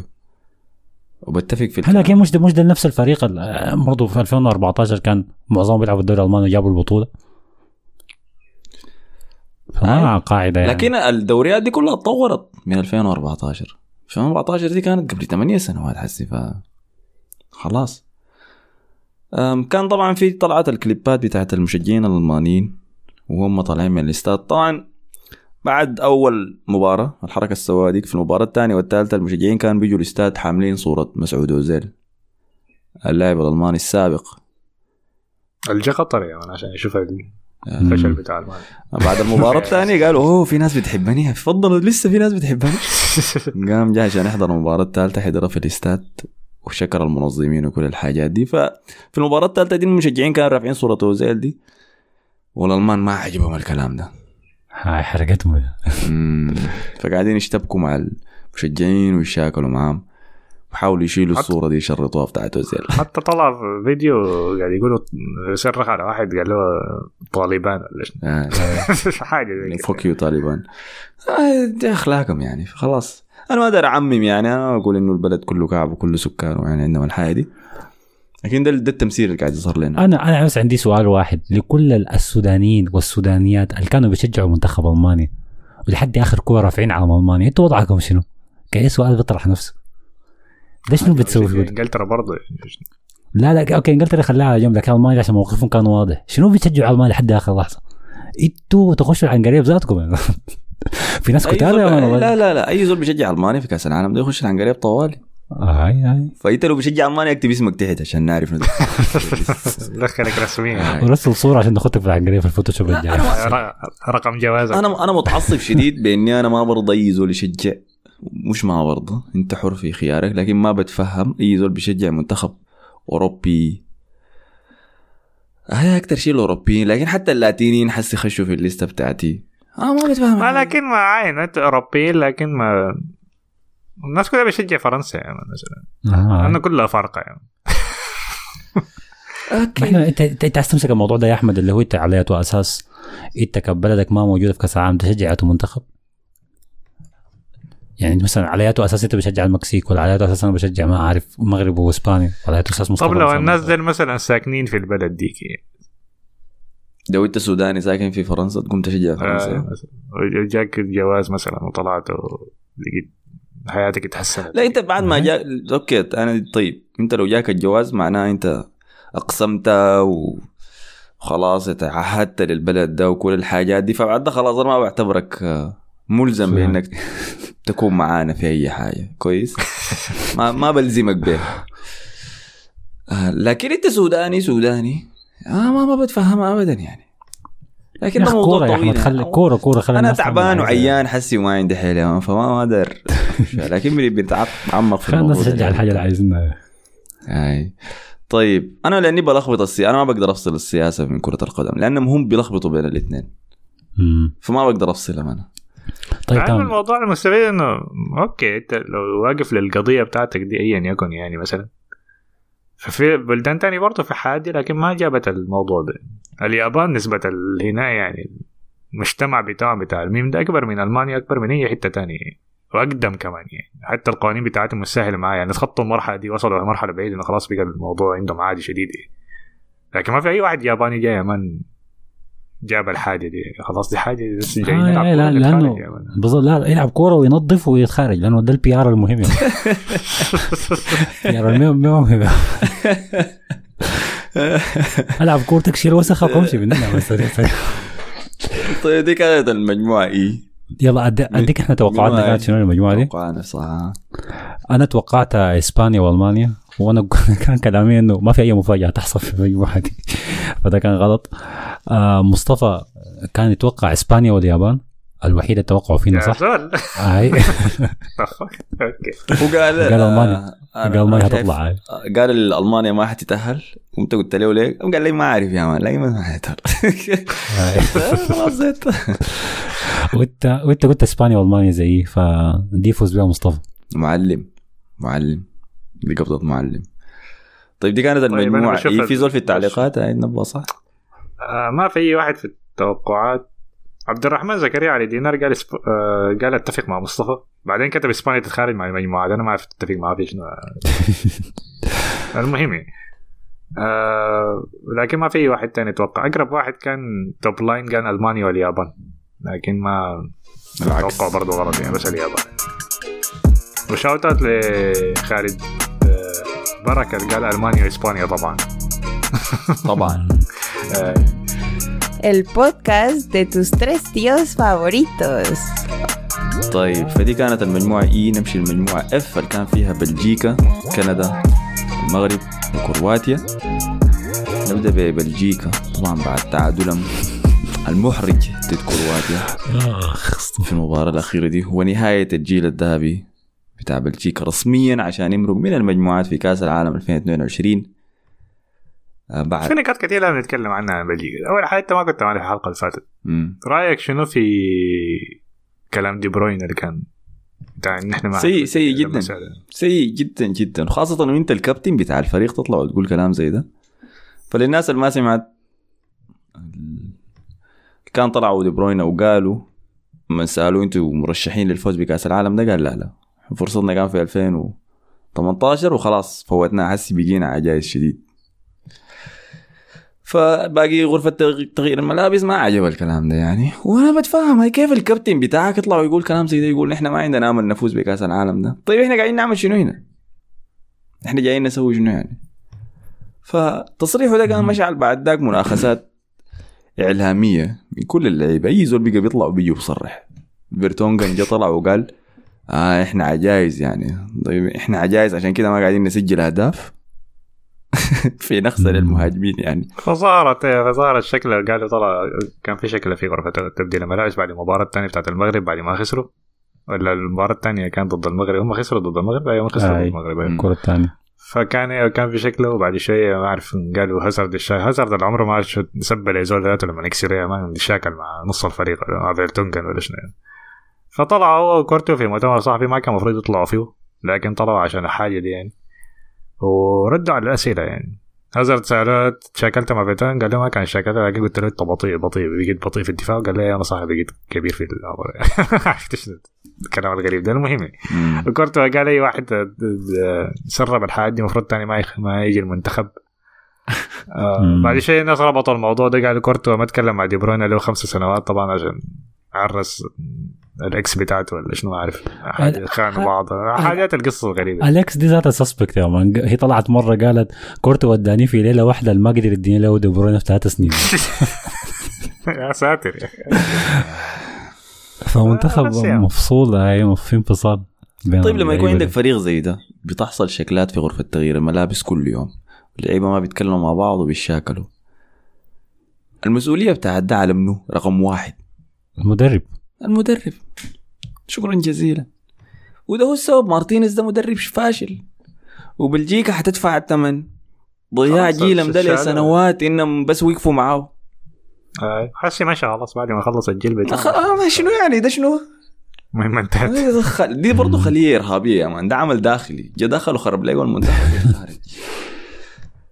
فخلاص يعني يشيلوا معاهم بس يعني. الدم الفريق ده كله. على جنبه ده كله على جنبه لو كاكو ده على جنبه تاني. أوه. أنت ما شايف يا أخي الانتقاد ده مبالغة؟ زول ده ما لعب غير 15 دقيقة تنافسية يمكن في آخر أنت شفت شهر. ثلاثة فرص لكن اتدخلها يا عز أحمد. شفتها أنا شفتها وهي ما مفاجأة يعني ده الطبيعي بتاع لوكاكو أوكي ما خلاص. لكن ما بقدر ألومه. زول ما لعب. يعني زول استدعي لكأس العالم ده بس عشان يقدر يساعدهم يساعد دي الكلمة المهمة لأنه ما عنده لياقة. فانت تدخله في لحظات الحسم في الدقائق الأخيرة فريق ضد كرواتيا وتقول له بس دخل كره جوا الجون. والله يا أنا أنا 50 50 لكن ما بقدر ألومه شديد ما ما حاسب له يعني. ليه ما جاب ليه؟ ما استدعوا أوريجي مثلا لاعب ليفربول؟ هو شال بعد شوية وشال لوكاكو ليه ما استدعى أوريجي؟ اوريجي ما مصاب كده كده عباده كتار شديد في الهجوم دلوقتي عندك اثنين سود كلهم. بيشبهوا بعض كلهم تراشة كلهم نفس الحاجة بيضيعوا فرص كثيره جدا. يلا أديك. أنا أنا عندي رؤية خاصة في أوريجي. طيب لاني يستحيل الضغط له كثير في ليفربول. مما جا كلوب في أول أيام؟ وعارف مشكلة أوريجي شنو؟ ليه المدربين ما بيحبوا يلعبوا بأوريجي؟ كأساسي في فرقهم. السبب لأنه أوريجي ده زول هادي شديد يا man زول بارد. كأنه شارب له سيجاره قبل ما يخش المباراة بيكون هادي هادي شديد. فأنت داير حركية من مهاجمك داير مهاجمك يجري يعمل runs بورا الدفاع كل الحاجات دي أوريجي ما بيديك الحاجة دي بس بيكون قاعد يتمشى. لكن عشان السبب ده بالتحديد أوريجي هو أحسن مهاجم تدخله في آخر 15 20 دقيقة في المباراة. لأنه ما بيتأثر بمشاعر الحاصل حوالينه ما بيتأثر بالعواطف العالية ضغط في مباراة ما بيتأثر عليه اتذكر كويس كرة برشلونة بتاعت نص النهائي بتاع الأبطال. بالضبط. وفي مباريات كثيرة مو برضه عنده جون ضد إيفرتون في الدقائق الأخيرة عنده أجوان ضد توتنهام في النهائي كأس نهائي Champions League في الدقائق الأخيرة. ده لاعب كلتش. لاعب كلتش اللي هو لاعب بيدخله في نهاية المباراة بيحسمها لك لكن ما ينفع يبدأ. فمباراة زي دي شفت الفرص اللي كانت وقعت للوكاكو؟ لو أوريجي كان قاعد كان سجلها. لأنه ما حيكون هامي ودي كرواتيا لو ما سجلت حنمرق من كاس لا لا لا, لا كل. ده هو أكثر نوع أنا بحبه من المهاجمين.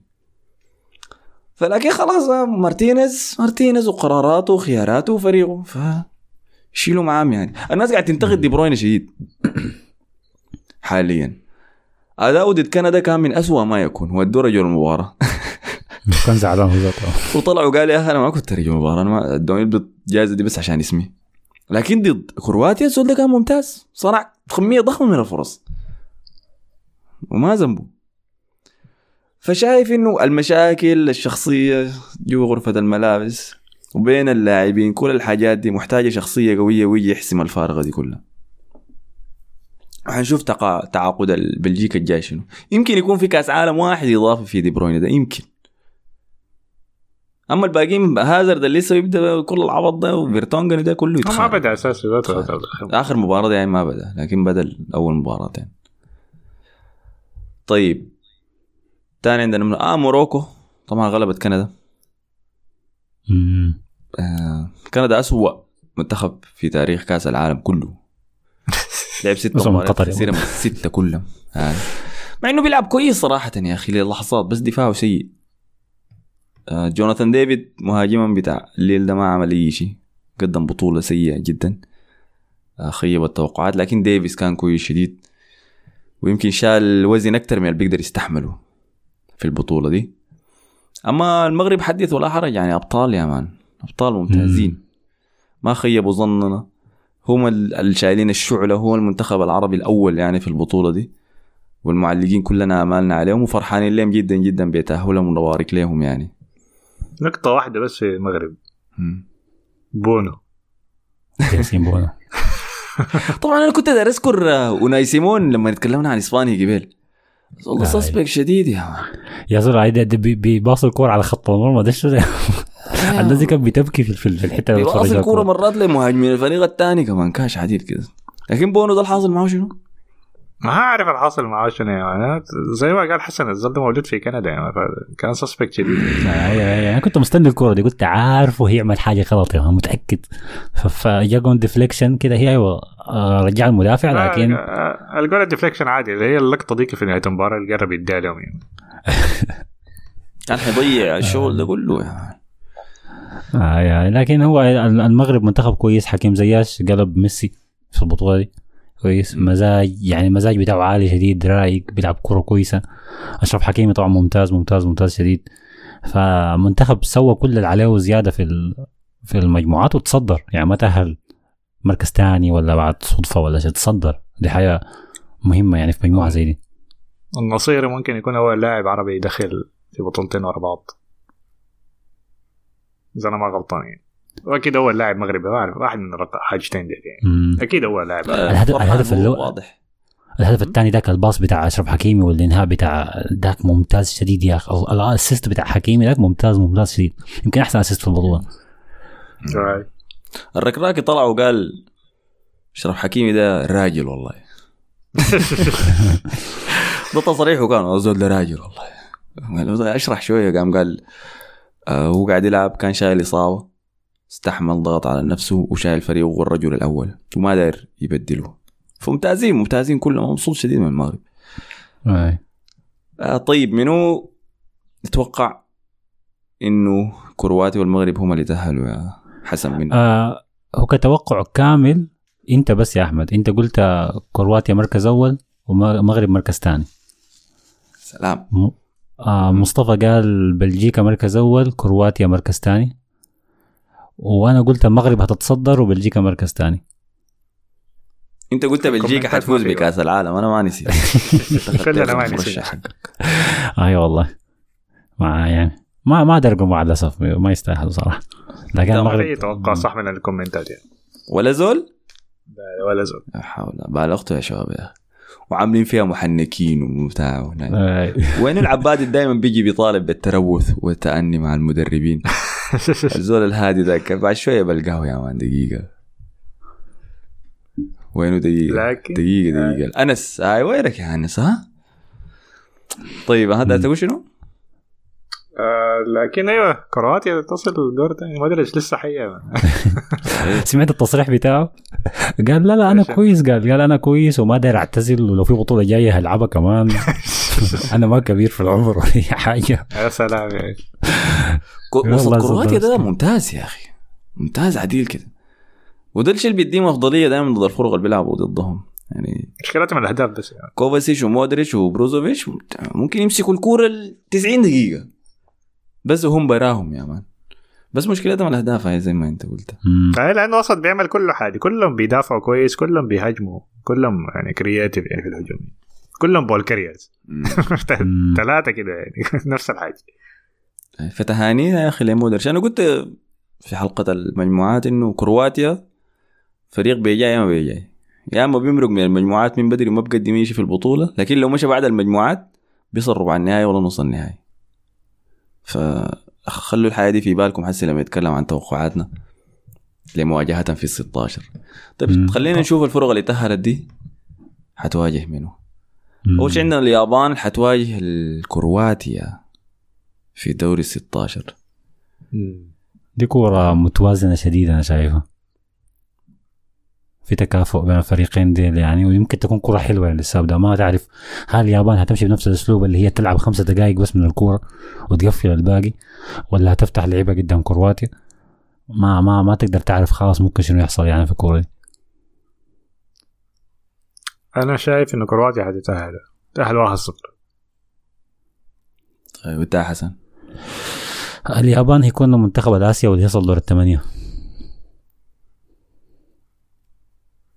الثمانية فيطلع كرواتيا. شيء طيب. اليابان المباراة الوحيدة اللي خسرتها في المجموعات كانت ضد كوستاريكا. في مباراة هي استحوذت فيها على الكرة وكانت أفضل. كوستاريكا كان عندهم تسديدة واحدة بس. سجلوا منها الجول كانت أول تسديدة لين في كأس العالم أصلا. فقعدوا يجهزوا فيها تسديدة ماكنة دي بتاعت كوستاريكا جاوا منها الجول كانت تسديدة تراش كمان الحارس. تعبان يا والله. أي. الشيء المشترك بمباراة ألمانيا واليابان وإسبانيا واليابان إنه ما استحوذوا كانوا بيكونتروا. ده اللي حيعملوا كرواتيا ثاني شيء كانوا محظوظين ولا خلينا كان عندهم نجاعة وحسم مبالغ فيه اليابان. بأنهم ما بيسددوا كثير لكن لما يسددوا بيجيبوا الأهداف. لكن قبل شوية قلت إنه الكرواتيا لما تتاهل من المجموعات بتمشي ليه نص النهائي ولا ربع النهائي. فواحد من الاثنين دول لازم يخسر. يا أخي والله دي صعبة يا أخي صعبة شديد. قول اليابان يا من عادي. يا أخي ساعدوني أنتوا كده ادوني التلميحات قول اليابان يا. بطولة في آسيا اليابان دي حتعمل حاجة أنا شايف كده يعني. آه لا, لا. مستحيل مستحيل يكون مرقوا من مجموعة إسبانيا وألمانيا سي على على الفاضي يعني. آه، كلمة واحدة يا مان مدرج والله يا أخي حاقول اليابان حتتأهل بس لأنه في الشوط الثاني في مباراة بلجيكا ديك كرواتيا أكلوا فرص كتير شديد فاذا ده حصل ضد اليابان ح... اليابان حتسجل بالتأكيد. فحقول ممكن اليابان. ممكن- برضه نشوف أشواط إضافية يعني الكورة دي. غالبا حيشوط الشوط لو لو وصلت بلنتيات كرواتيا حيتأهل خلاص.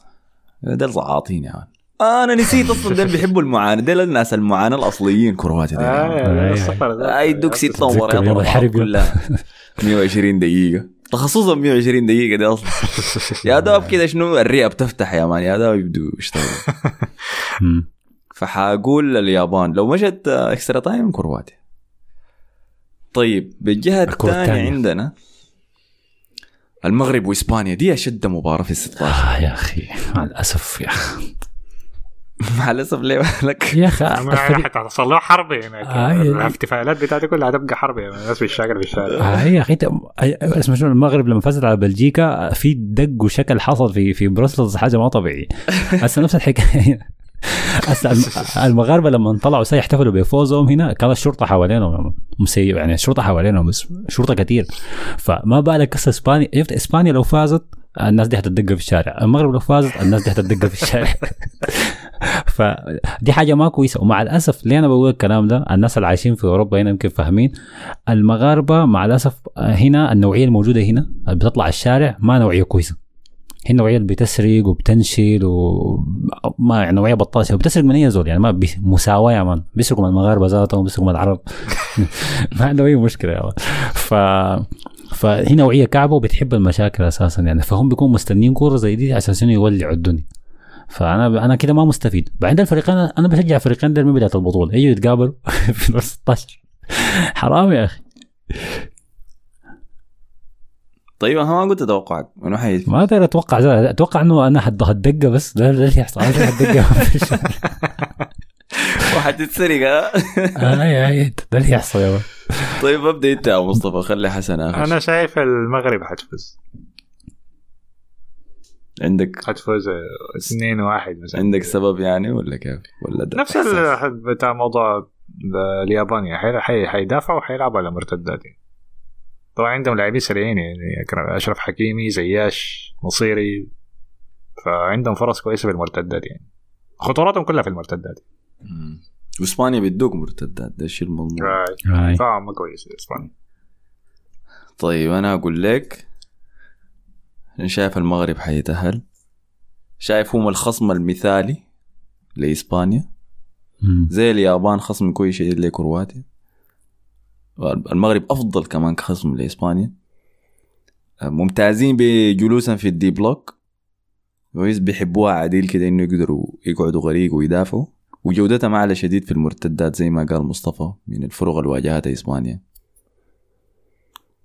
okay. بس الأهداف. إذا زياش واصل فورمته دي وهي أهداف من أي مكان بتساعد بتوقع إنه أوناي سيمون حيرتكب خطأ كبير في المباراة دي. حيمرر الكورة عديل كده لواحد من مهاجمين المغرب المغرب عشان يجيب جون. فيتوقع المغرب حتفوز. مم. انتهى أنا أنا شايف آه، أنا شايف إنه المغرب برضه هتأهل. آه، ده غالبا يحصل يعني.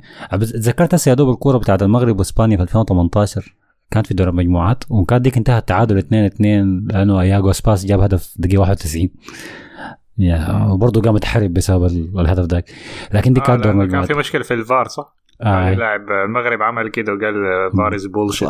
أيوه بعد الكورة بالضبط بالضبط هاي أول سنة ف- كان للفار في كأس العالم دي كان مم. فهسه الحكاية دي هتتكرر تاني حيكون كورة محتدمة شديد هيكون في دق مشاكل في كروت صفراء ممكن نشوف طرد ما أعتقد هتكون كره سهلة واسبانيا زي ما إحنا شفنا ما ما, ما الفريق ال...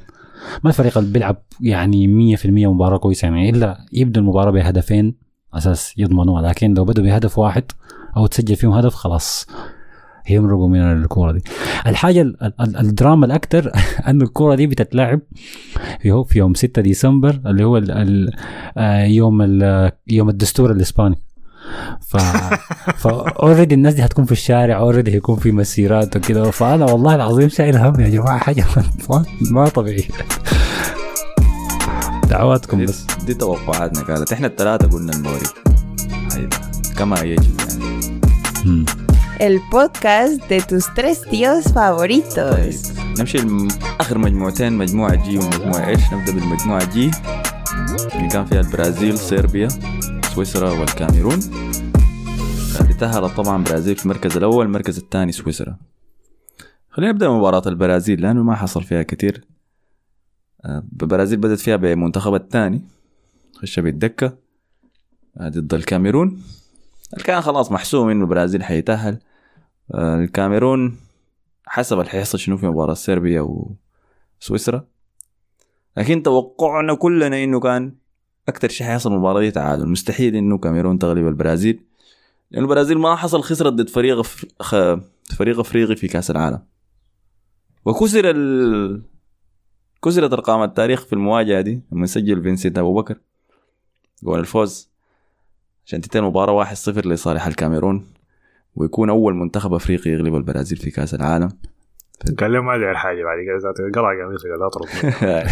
عنده كرت أصفر احتفل مرق في اليوتيوب مرق بالكرت الاحمر والله ده أحلى. كرت ده أحلى كرت أحمر أنا شفته. الحكم جا أبو بكر قال لهم معلش وسلم عليه. بعد شوية ادى الكرت الأصفر الثاني والأحمر. أبو بكر قال لهم مع السلامة ومرق. أبو بكر فينسنت أبو بكر بيكره محمد صلاح كره شديد. تكلمت على حاجة دي الحلقة اللي فاتت قلت إنه قال ما ما ما منبهر به يعني بقدر أعمل أي حاجة هو بيقدر يعملها. فالاحتفال ده كان لعيون محمد صلاح بس شهاك شايف؟ هنا. ده سياده ففوز ضخم يعني للكاميرون لكن للأسف لا يعني شيء لأنه صربيا وسويسرا انتهت بفوز لسويسرا. عندكم شيء تضيفوه في بس خ- خارجية بس سريعة كده. آه 2000 في 2017 المسلسل الإسباني لا دي بابيل كان طلع فيه الممثل الأساسي اللي هو البروفيسور. كان بيشرح الخطة بتاعت سرقة البنك والحاجة اللي هي الاندر دوغ أو الشيء ما متوقع. فقام قال لو تخيلنا مثلا إنه البرازيل قابلت الكاميرون في كأس العالم. الناس كلها هتقول شنو؟ البرازيل هتفوز. لكن إحنا دايرين نكون زي الكاميرون. إحنا هنغلب البرازيل. وده اللي هيحصل. يا زول. اي فسكريبت غريب كان 2017 كانت قال في مسلسل هسه حصل بالحرف يعني في في الكوره دي تنبأ بالمستقبل عديد كده. آي. هسه مدرب الكاميرون ممكن يقلع خلاص الهدوم بتاعت الكاميرون يمشي يدرب السنغال مرة واحدة خلاص. نفس المدرب يعني نفس الزول يعني. double character يا man شغال كونان يا man له هو لما يدرب الكاميرون بيلبس طاقية لما يمشي بهناك بيمرق الطاقية. نفس ال braids لكن. طيب آه، أما بالنسبة لصربيا و Switzerland دي المباراة الشديدة الصراحة في كانت حرب يعني بيكرهوا بعض. كره مبالغ فيه واي اشتباكات وشكل الشكل في الدقائق الأخيرة ده هو لخص كل المباراة بين شاكا وميتروفيش دي مجموعة الرجال أنا مسميها يا man الرجال كلهم كانوا بيجا آه، فمباراة شديدة Switzerland لعبوا كورة سمحة أهدافهم كلهم أي واحد يسمح من الثاني يعني الجون بيقول بالكعب يا man آه، ده الجون الثالث،؟ فأداء سمح شديد منهم وأخيرا قدرنا نشوف شنو؟ صربيا كمان مرقت بمهاجمينا التقال ديل كلهم لما شفنا فلاهوفيش وميتروفيش وتاديش كلهم مع بعض في أرضية الميدان. فكان مباراة جبارة. كمية من ال... كمية من النفس والعنصرية فلاهوفيش دخل جول بعدين مسك الكوانس بتاعته الجمهور يعني ليه؟ وقال إنه آه، كان في إشاعات طالعة في إيطاليا إنه هو من ناس الميم يا man فهمتني المجتمع المثلي إنه شاذ. فهو ما عاجبه الموضوع. فقام اثبت لهم بالطريقة الوحيدة اللي تثبت فيها إنك أنت مستقيم جنسيا يعني إنك تسجل جول وتمسك بيضك بعدين. هو لاعب غريب هو لاعب غريب. أنا بتذكر لما لعب ضد فياريال في. في الأبطال السنة اللي فاتت كان. كان جاب فيهم هدف في ال- في ملعب فياريال ملعب السيراميكا وبعد جاب الهدف قال سكت الجماهير بتاعت فياريال كده وص وص أنا ما عندكم معه ما عندي معكم beef أنا ما, ما وصل إيه فهو هو داير يبني ال character دي بتاعت أنا اللاعب المشاغب يعني لكن ما في زول معبر يعني. وحساس واضح إنه حساس كمان بيسمع الكلام. سخرية كمان السخرية ان الموضوع دي أكثر مباراة ممكن تكون سياسية في البطولة لكن ما في واحد يتكلم عنها. وما حيتكلموا عنها لأنه ما, ما في أي أجندة عندهم في الموضوع. أي بالضبط. ما شغالين بالموضوع كده. ما بيستفيدوا منها في شيء. برضه شاكا نفسه عمل نفس الحاجة. مسك البيض بتاعه برضه اشر على الدكة. ما لازم ترد عليه ما هي فهمتني تمسك بيضك ليه وتحتفل ضدنا ذاتي بعمله فيك وعمل حركة تانية طلع فنيله ومكتوب فيها اسم واحد الزول اللي حرر كوسوفو من من من صربيا. في الفنيله بتاعت سويسرا كاتبها ورا ورفع الفنيله بعد الفوز. حرب. يعني. آه، طيب.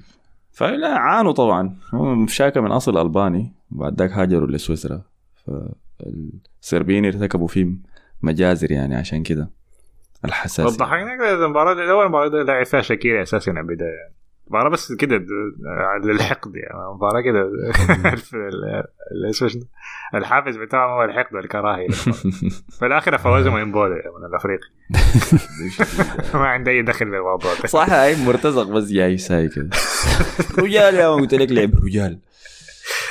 طيب فاللي تأهلوا كده قلنا البرازيل وسويسرا.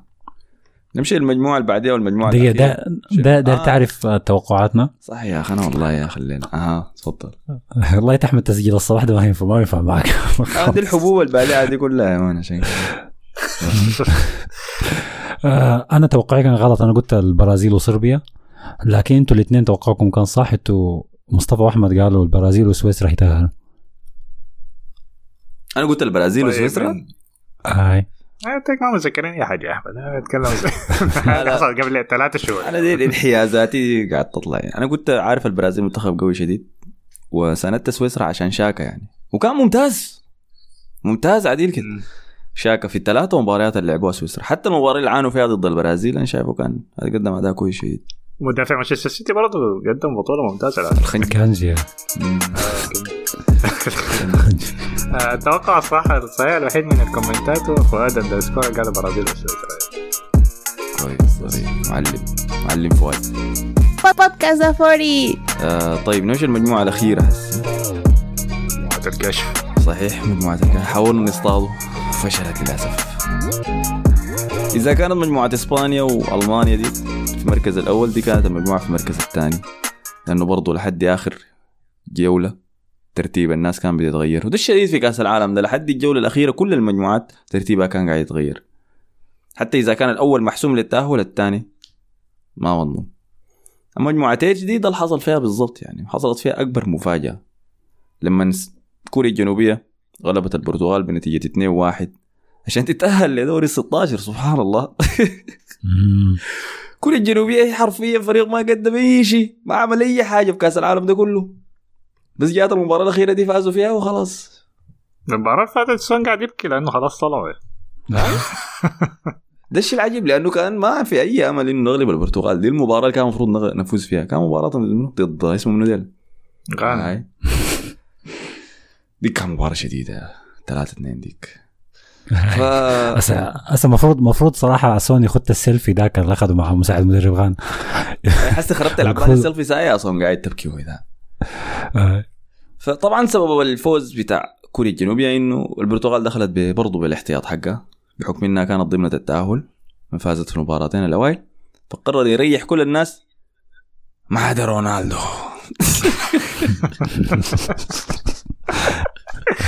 أخ استغفر الله. طيب خليني أنا كان المفروض أسجل لكم مني بعد مباراة. كان منو هي؟ البرتغال. هاي حصلت فيها دراما لكن ما لقيت وقت. مريض أنا حاليا يا جماعة فاعفوا لي يا أخي. فالمباراة دي كان حصل فيها شنو؟ النقطة الكبيرة بتاعت الحديث كانت وده اللي احتفلنا فيها نحن ذاتنا في ال story بتاع إنستغرام دافوري كنت مغطي المباراة. إنه في كرة أرضية لعبها برونو فرنانديز في مباراة البرتغال ضد الأوروغواي. الكرة ما لمسها رونالدو لكن لط لها فقامت تبع أثرت كده ودخلت جوا الجون. فإحنا كلنا لما شفنا العرضية دي شكينا انه يا رونالدو لمس الكورة دي ولا ما لمس حاصل شنو؟ لكن هو مشى احتفل كأنه هو لمس رونالدو. سيزو وبتاع. وزعلنا إحنا يعني صراحة لأنه أنا ما كنت أتوقع رونالدو يسجل جون في كأس العالم. أنا عارف إنه حيسجل البلنتيات بس إذا هو موجود في أرضية الميدان والبرتغال أدوهم بنالتي وده ادوا ضد غانا ضد غانا من ولا شيء ولا أي حاجة. الحكم اخترع بنالتي له ونفس كلام شزني انه في ناس بيدوهم ها؟ في ناس في شغل واسطات بتحت تحت في ناس بيعزوهم.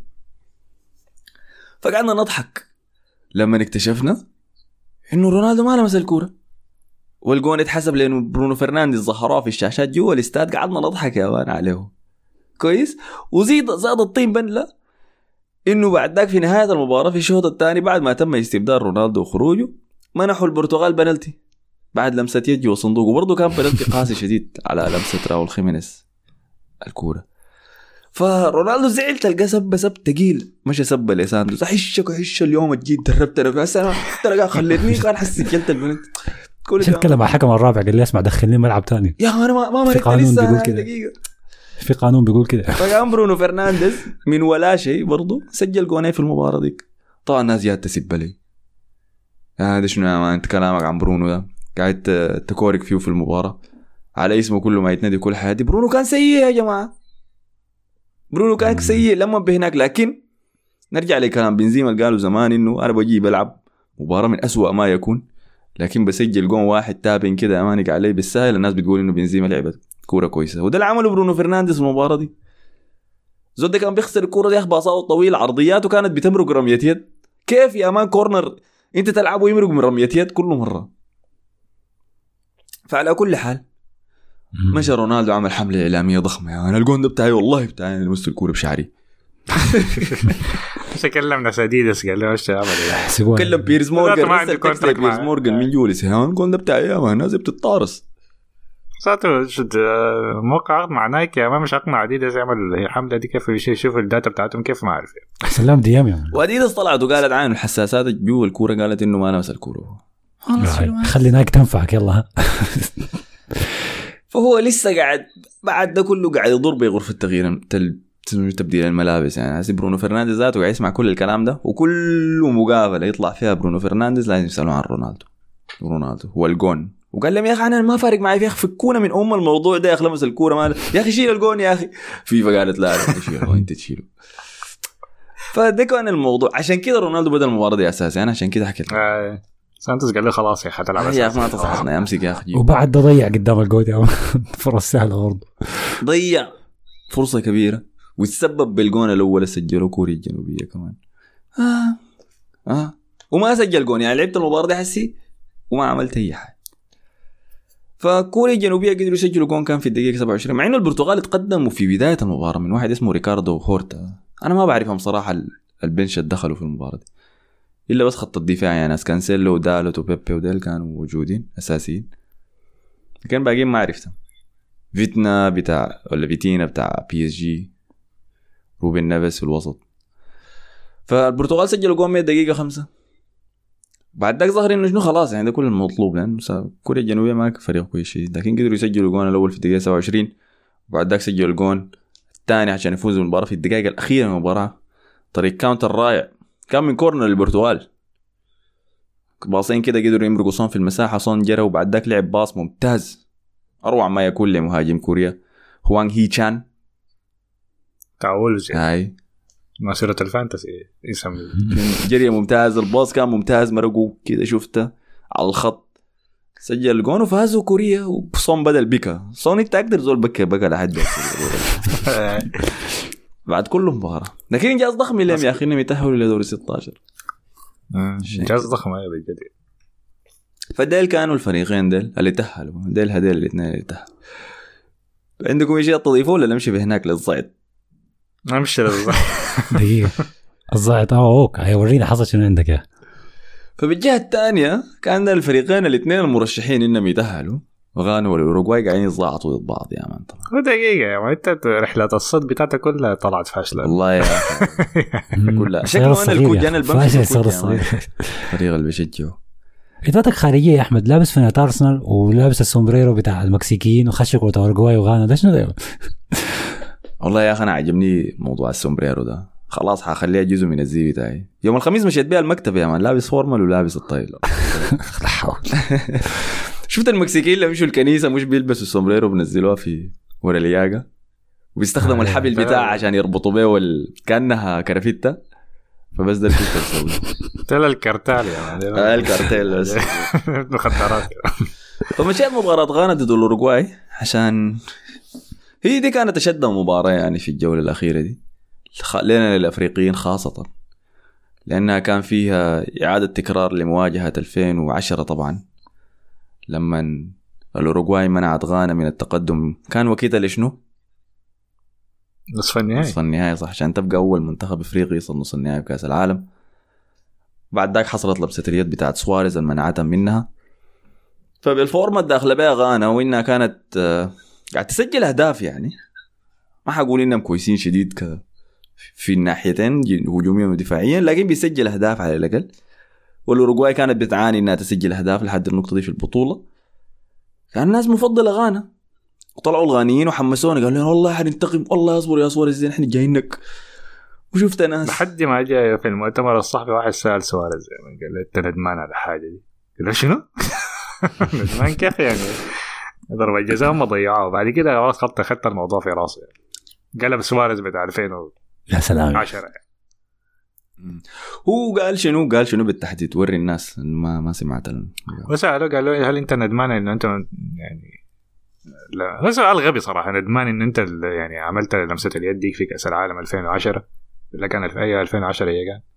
و هل يعني ندمان على حاجة؟ قال له لا أنا ما ندمان يعني. قال له أنا عملت حاجة عشان أساعد منتخب بلادي وفي النهاية ادهم ضربة جزاء ما إنه ما ادهم ضربة جزاء وضيعوها يعني. كلامه صح منطقي شديد يعني.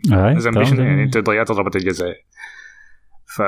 فبس يعني الموضوع في المباراة دي كلها إنه اوروجواي حتنتقم الغانا حتنتقم من الاوروجواي فبس هو خدت الموضوع في اوروجواي لعبت أحسن مباراة لها في البطولة في كأس العالم مم. وبلوم يعني مم. سواريز يعني قاعد يت... اسمه يبيض الناس يعني سواريز كان ممتاز عمل يا أظن أخي. كان ممتاز شديد. يا أخي صح كاس صح العالم. بتاعه ده سيء كان سيء شديد المباراتين الاوائل كان من أسوأ ما يكون لويس سواريز جا المباراة دي قال كده بديكم واحدة كده الأيام الخوالي يا ما خلينا نرجع.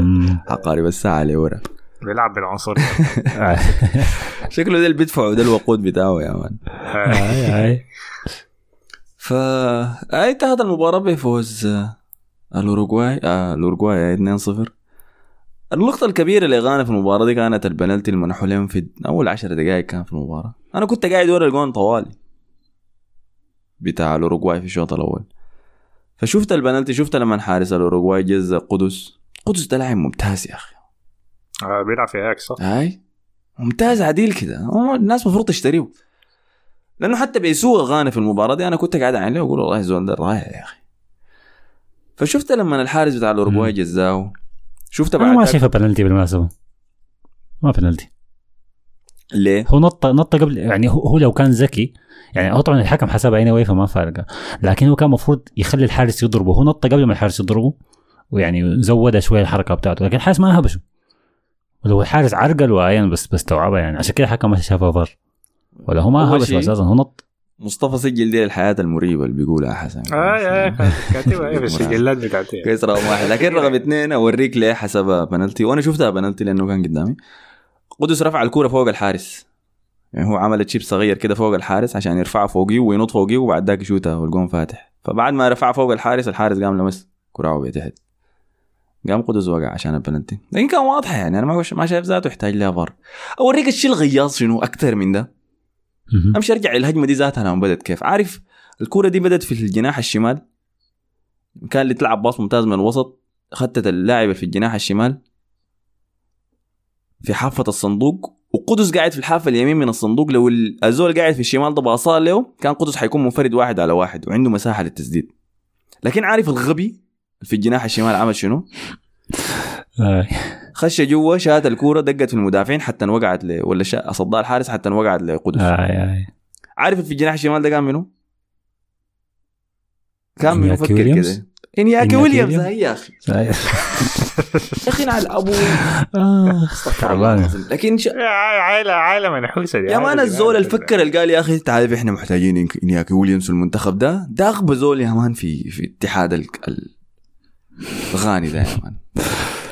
يا أخي بطولة سيئة شديد منه. ما قدم أي شيء. ضر فريقه أكثر مما أفاده. ضر فريقه شديد في مباراة كوريا الجنوبية ديك. كويس. ضر فريقه شديد في مباراة البرتغال لما سرق الكورة في الدقائق الأخيرة وبعد ذاك يزحلق ما قدر يسددها الزول ده سيء شديد يا أخي. آه. الكعبه هو جاي يشارك بس جاي جاي عشان يشارك ما أكثر يعني. أنا والله بس ما داري اسيب يا مان، أستغفر الله العظيم. لكن شنو؟ أنا كان في حلقة المجموعات قلت إنه آه، متوقع إنه اسمه إيدين كيتيا يتألق في البطولة دي. فبعد ذاك طلع إنه إيدين كيتيا ما مستدعى أصلا لمنتخب غانا. لكن الحصل شنو؟ إنه هو سافر غانا إجازة متوقف الدوري. فقاموا عملوا له استقبال ضخم في المطار الغانيين يا مان حفله وبتاع وما أعرف شنو فأنا كنت لما شفت الصور دي كنت قايل إنه هو سافر لغانا عشان معسكر الفريق وبعد ذاك يسافر معاهم. افترضت إنه هو مستدعى يعني. عشان كده. لكن أنا أكد لك بالتأكيد لو كانوا استدعوا إيدين كده كان أحسن من إنه يجيبوا العبايه ده يا أخي. لكن على اي حال حدث ما حدث يعني. يعني. آيو جاء عشان يشوت البنالتي. آيو اللي هو برضه كان أسوأ لاعب لغانا في المباراة. دي اللاعب ده سيء أصلا ما هو بس اسمه هو أصلا كعب هو أصلا كعب يعني ما إنه بس في. المباراة دي كعب هو أصلا صح. كعب اسود الناس بس بي... بتفرح به عشان الجون سجلوا في البرتغال ده كانوا الكورة ما اتدفقت يعني ووقعت له وكان فيها وبعدين هو ال- المشكلة أنا اللي بيغيظني في الحياة في البلنتيات النوع ده اللي واقف جنب البلنتي ده واقف جنب البلنتي ليه؟ ما ارجع ورا يا أسلخها. آه، مشى بالراحة وعمل suspense كان باين إنه هيضيعها أنت ما حسيت كده يا أحمد لما شفت البنالتي live قدامك إنه باين إنه هيضيعها والله يا أخي هو لأنه شال الكورة بدري ولعيبه البرت... الأوروغواي كانوا بيسخنوا فيه يعني وبيكوركوا فيه. اللي هم مجانين أصلا يا man. فالفيردي ده مجنون يا man. انكم تستحملوا بعد ما ضيع البلنتي اجى جرى الحكم قال الظهور مش جري للحكم عين ما للاعب للحكم زوضة آه فلكن أنا كنت واثق إنه حيسجلها لحد لما الحكم صفر أخذ خطوتين وبعد ذاك وقف. كويس؟ مم. فهو كان داير يشوف الحارس حينط على اتجاه عشان يشوتها في جهة غير فهو واضح إنه ما كان عنده اتجاه معين في راسه. اللحظه اللي هو عمل الحركة دي تردد كده شوية؟ أنا عرفته حيضيعها بعد ذاك شات اسوء بنالتي في كأس العالم يا مان. بيسوء البنالتي شاته ميسي ضد بولندا ذاته عشان يصد له حارس الأوروغواي. بعد ما ضاع البنالتي ده أنا دي هي اللحظة المهمة كانت لي حاشوف غانا حيتهزوا ولا ما حيهز عليهم ضيع البنالتي ده ويتهزوا يا مان. تهزوا مباشرة. بعد ال... البنالتي ده لما ضاع كان في كورة من رقه واحد من المدافعين من خط الجون عديل كده. بعدها بكم دقيقة سجلوا الأول كم دقيقة سجلوا الثاني؟ خلاص المباراة كانت انتهت. ففريق خش نفسيا ما جور بردة فعل إلا في الشوط الثاني. أنا بتفهمها شوية لما الكابتن بتاعك والرجل الأول واللاعب الوحيد التبقى من التشكيلة اللي لعبت المباراة ديك في 2010 فهو عارف الألم بتاع اللحظة دي كان شنو. وهذا تكرر التاريخ. ثاني ودي الحاجة دي الحاجة بتزعلني يا أحمد. يعني أنا أنا 2010 كنت مع غانا كنت عايز غانا تتأهل. لكن في النهاية لما اساموا جيان ضيع البنالتي بعد ذاك جت في البلنتيات الأخيرة. برضه هم ضيعوا البلنتيات وهم اللي خسروا نفسهم. بعدين الناس كلها قاعد تلوم في سواريز. okay سواريز عمل حركة غياظة لكن ال- ال- الفرق دي سواء كانت أفريقية أو عربية ما بتحب تشيل المسؤولية إنه إحنا اللي كنا كعبين وإحنا اللي ما نستاهلنا نلعب كويس. نفس الحكاية الكورة دي. أنت جاكم بلنتي وضيعته. برضه الناس بتركز ها سواريز قاعد يبكي ولا ما عارف برد- آه، عمل شنو. لازم عقليتك تتغير يا أخي إنه أنت تتحمل مسؤولية لعبك وأدائك. لو أنت عملت 10 من 10 بعد ذاك أي لوم الفريق الثاني ولا لوم الحكم ولا فهسه أيوه المفروض. يزعلوا منه ما يزعلوا من اي زول ثاني أنا أكيد لك لو جابوا لهم 10 لاعبين كلهم حيعملوا عمل سواريز يعني. من أي جنسيات مختلفة. أيوه أنت كان آه، عندك 12 طبيعي. سنة عشان تتمرن على البلنتي دي بس. يعني أنت لو قضيت الفترة من كأس العالم ذاك؟ كأس العالم ده بس تتمرن على شوط البلنتيات؟ كان okay. لكن أنت شنو يا أخي. يلا عين ده أنا سوداني أنا سوداني. فكنت جاي مساند غانا ووجعني الموضوع للدرجة دي. فتخيل الغانيين إحساسهم ذاتهم شنو؟ أنا شفت. كليبات لمحللين غانيين في استوديوهات تحليلية عندهم هناك بين الشوطين قاعدين يبكوا في التلفزيون قاعدين يبكوا عديل كده. فتخيل تخيل خيبة الأمل. آه يعني كوريا كوريا عملت؟ مفاجأة يعني. آه كمية ضخمة من الجاليات الأفريقية جات وساندت غانا في المباراة دي. شفت كمية من الأعلام شفت كمية من الأعلام السودانية كمية ضخمة من السودانيين كانوا حاضرين عشان يساندوا غانا في ال- في المباراة دي. فارفع عليهم القبعة وكل الاحترام. من عائلات كبيرة يا مان. فهمتني؟ أطفال كلهم علم غانا في خد وعلم السودان في الخد الثاني فده الشيء المبسوط منه على الأقل. في كلام. يا احمد إنه في بطوله قطر دي إنه الأكسس بتاع الناس الأفريقيين سهل شديد مقارنة ببطولات في أوروبا. الكلام ده صح ولا؟ بالتأكيد أي. أول شيء خطوات الحضور للمباريات أسهل من العملية عشان تمشي تحضر مباراة في أوروبا. يعني إنهم عملوا نظام مخصص لدخول البلد بالهيئة والحاجات دي. سهل موضوع إنك تيجي وتحضر مباراة شديد يعني ده رقم واحد. رقم اثنين قطر قريبة من أفريقيا.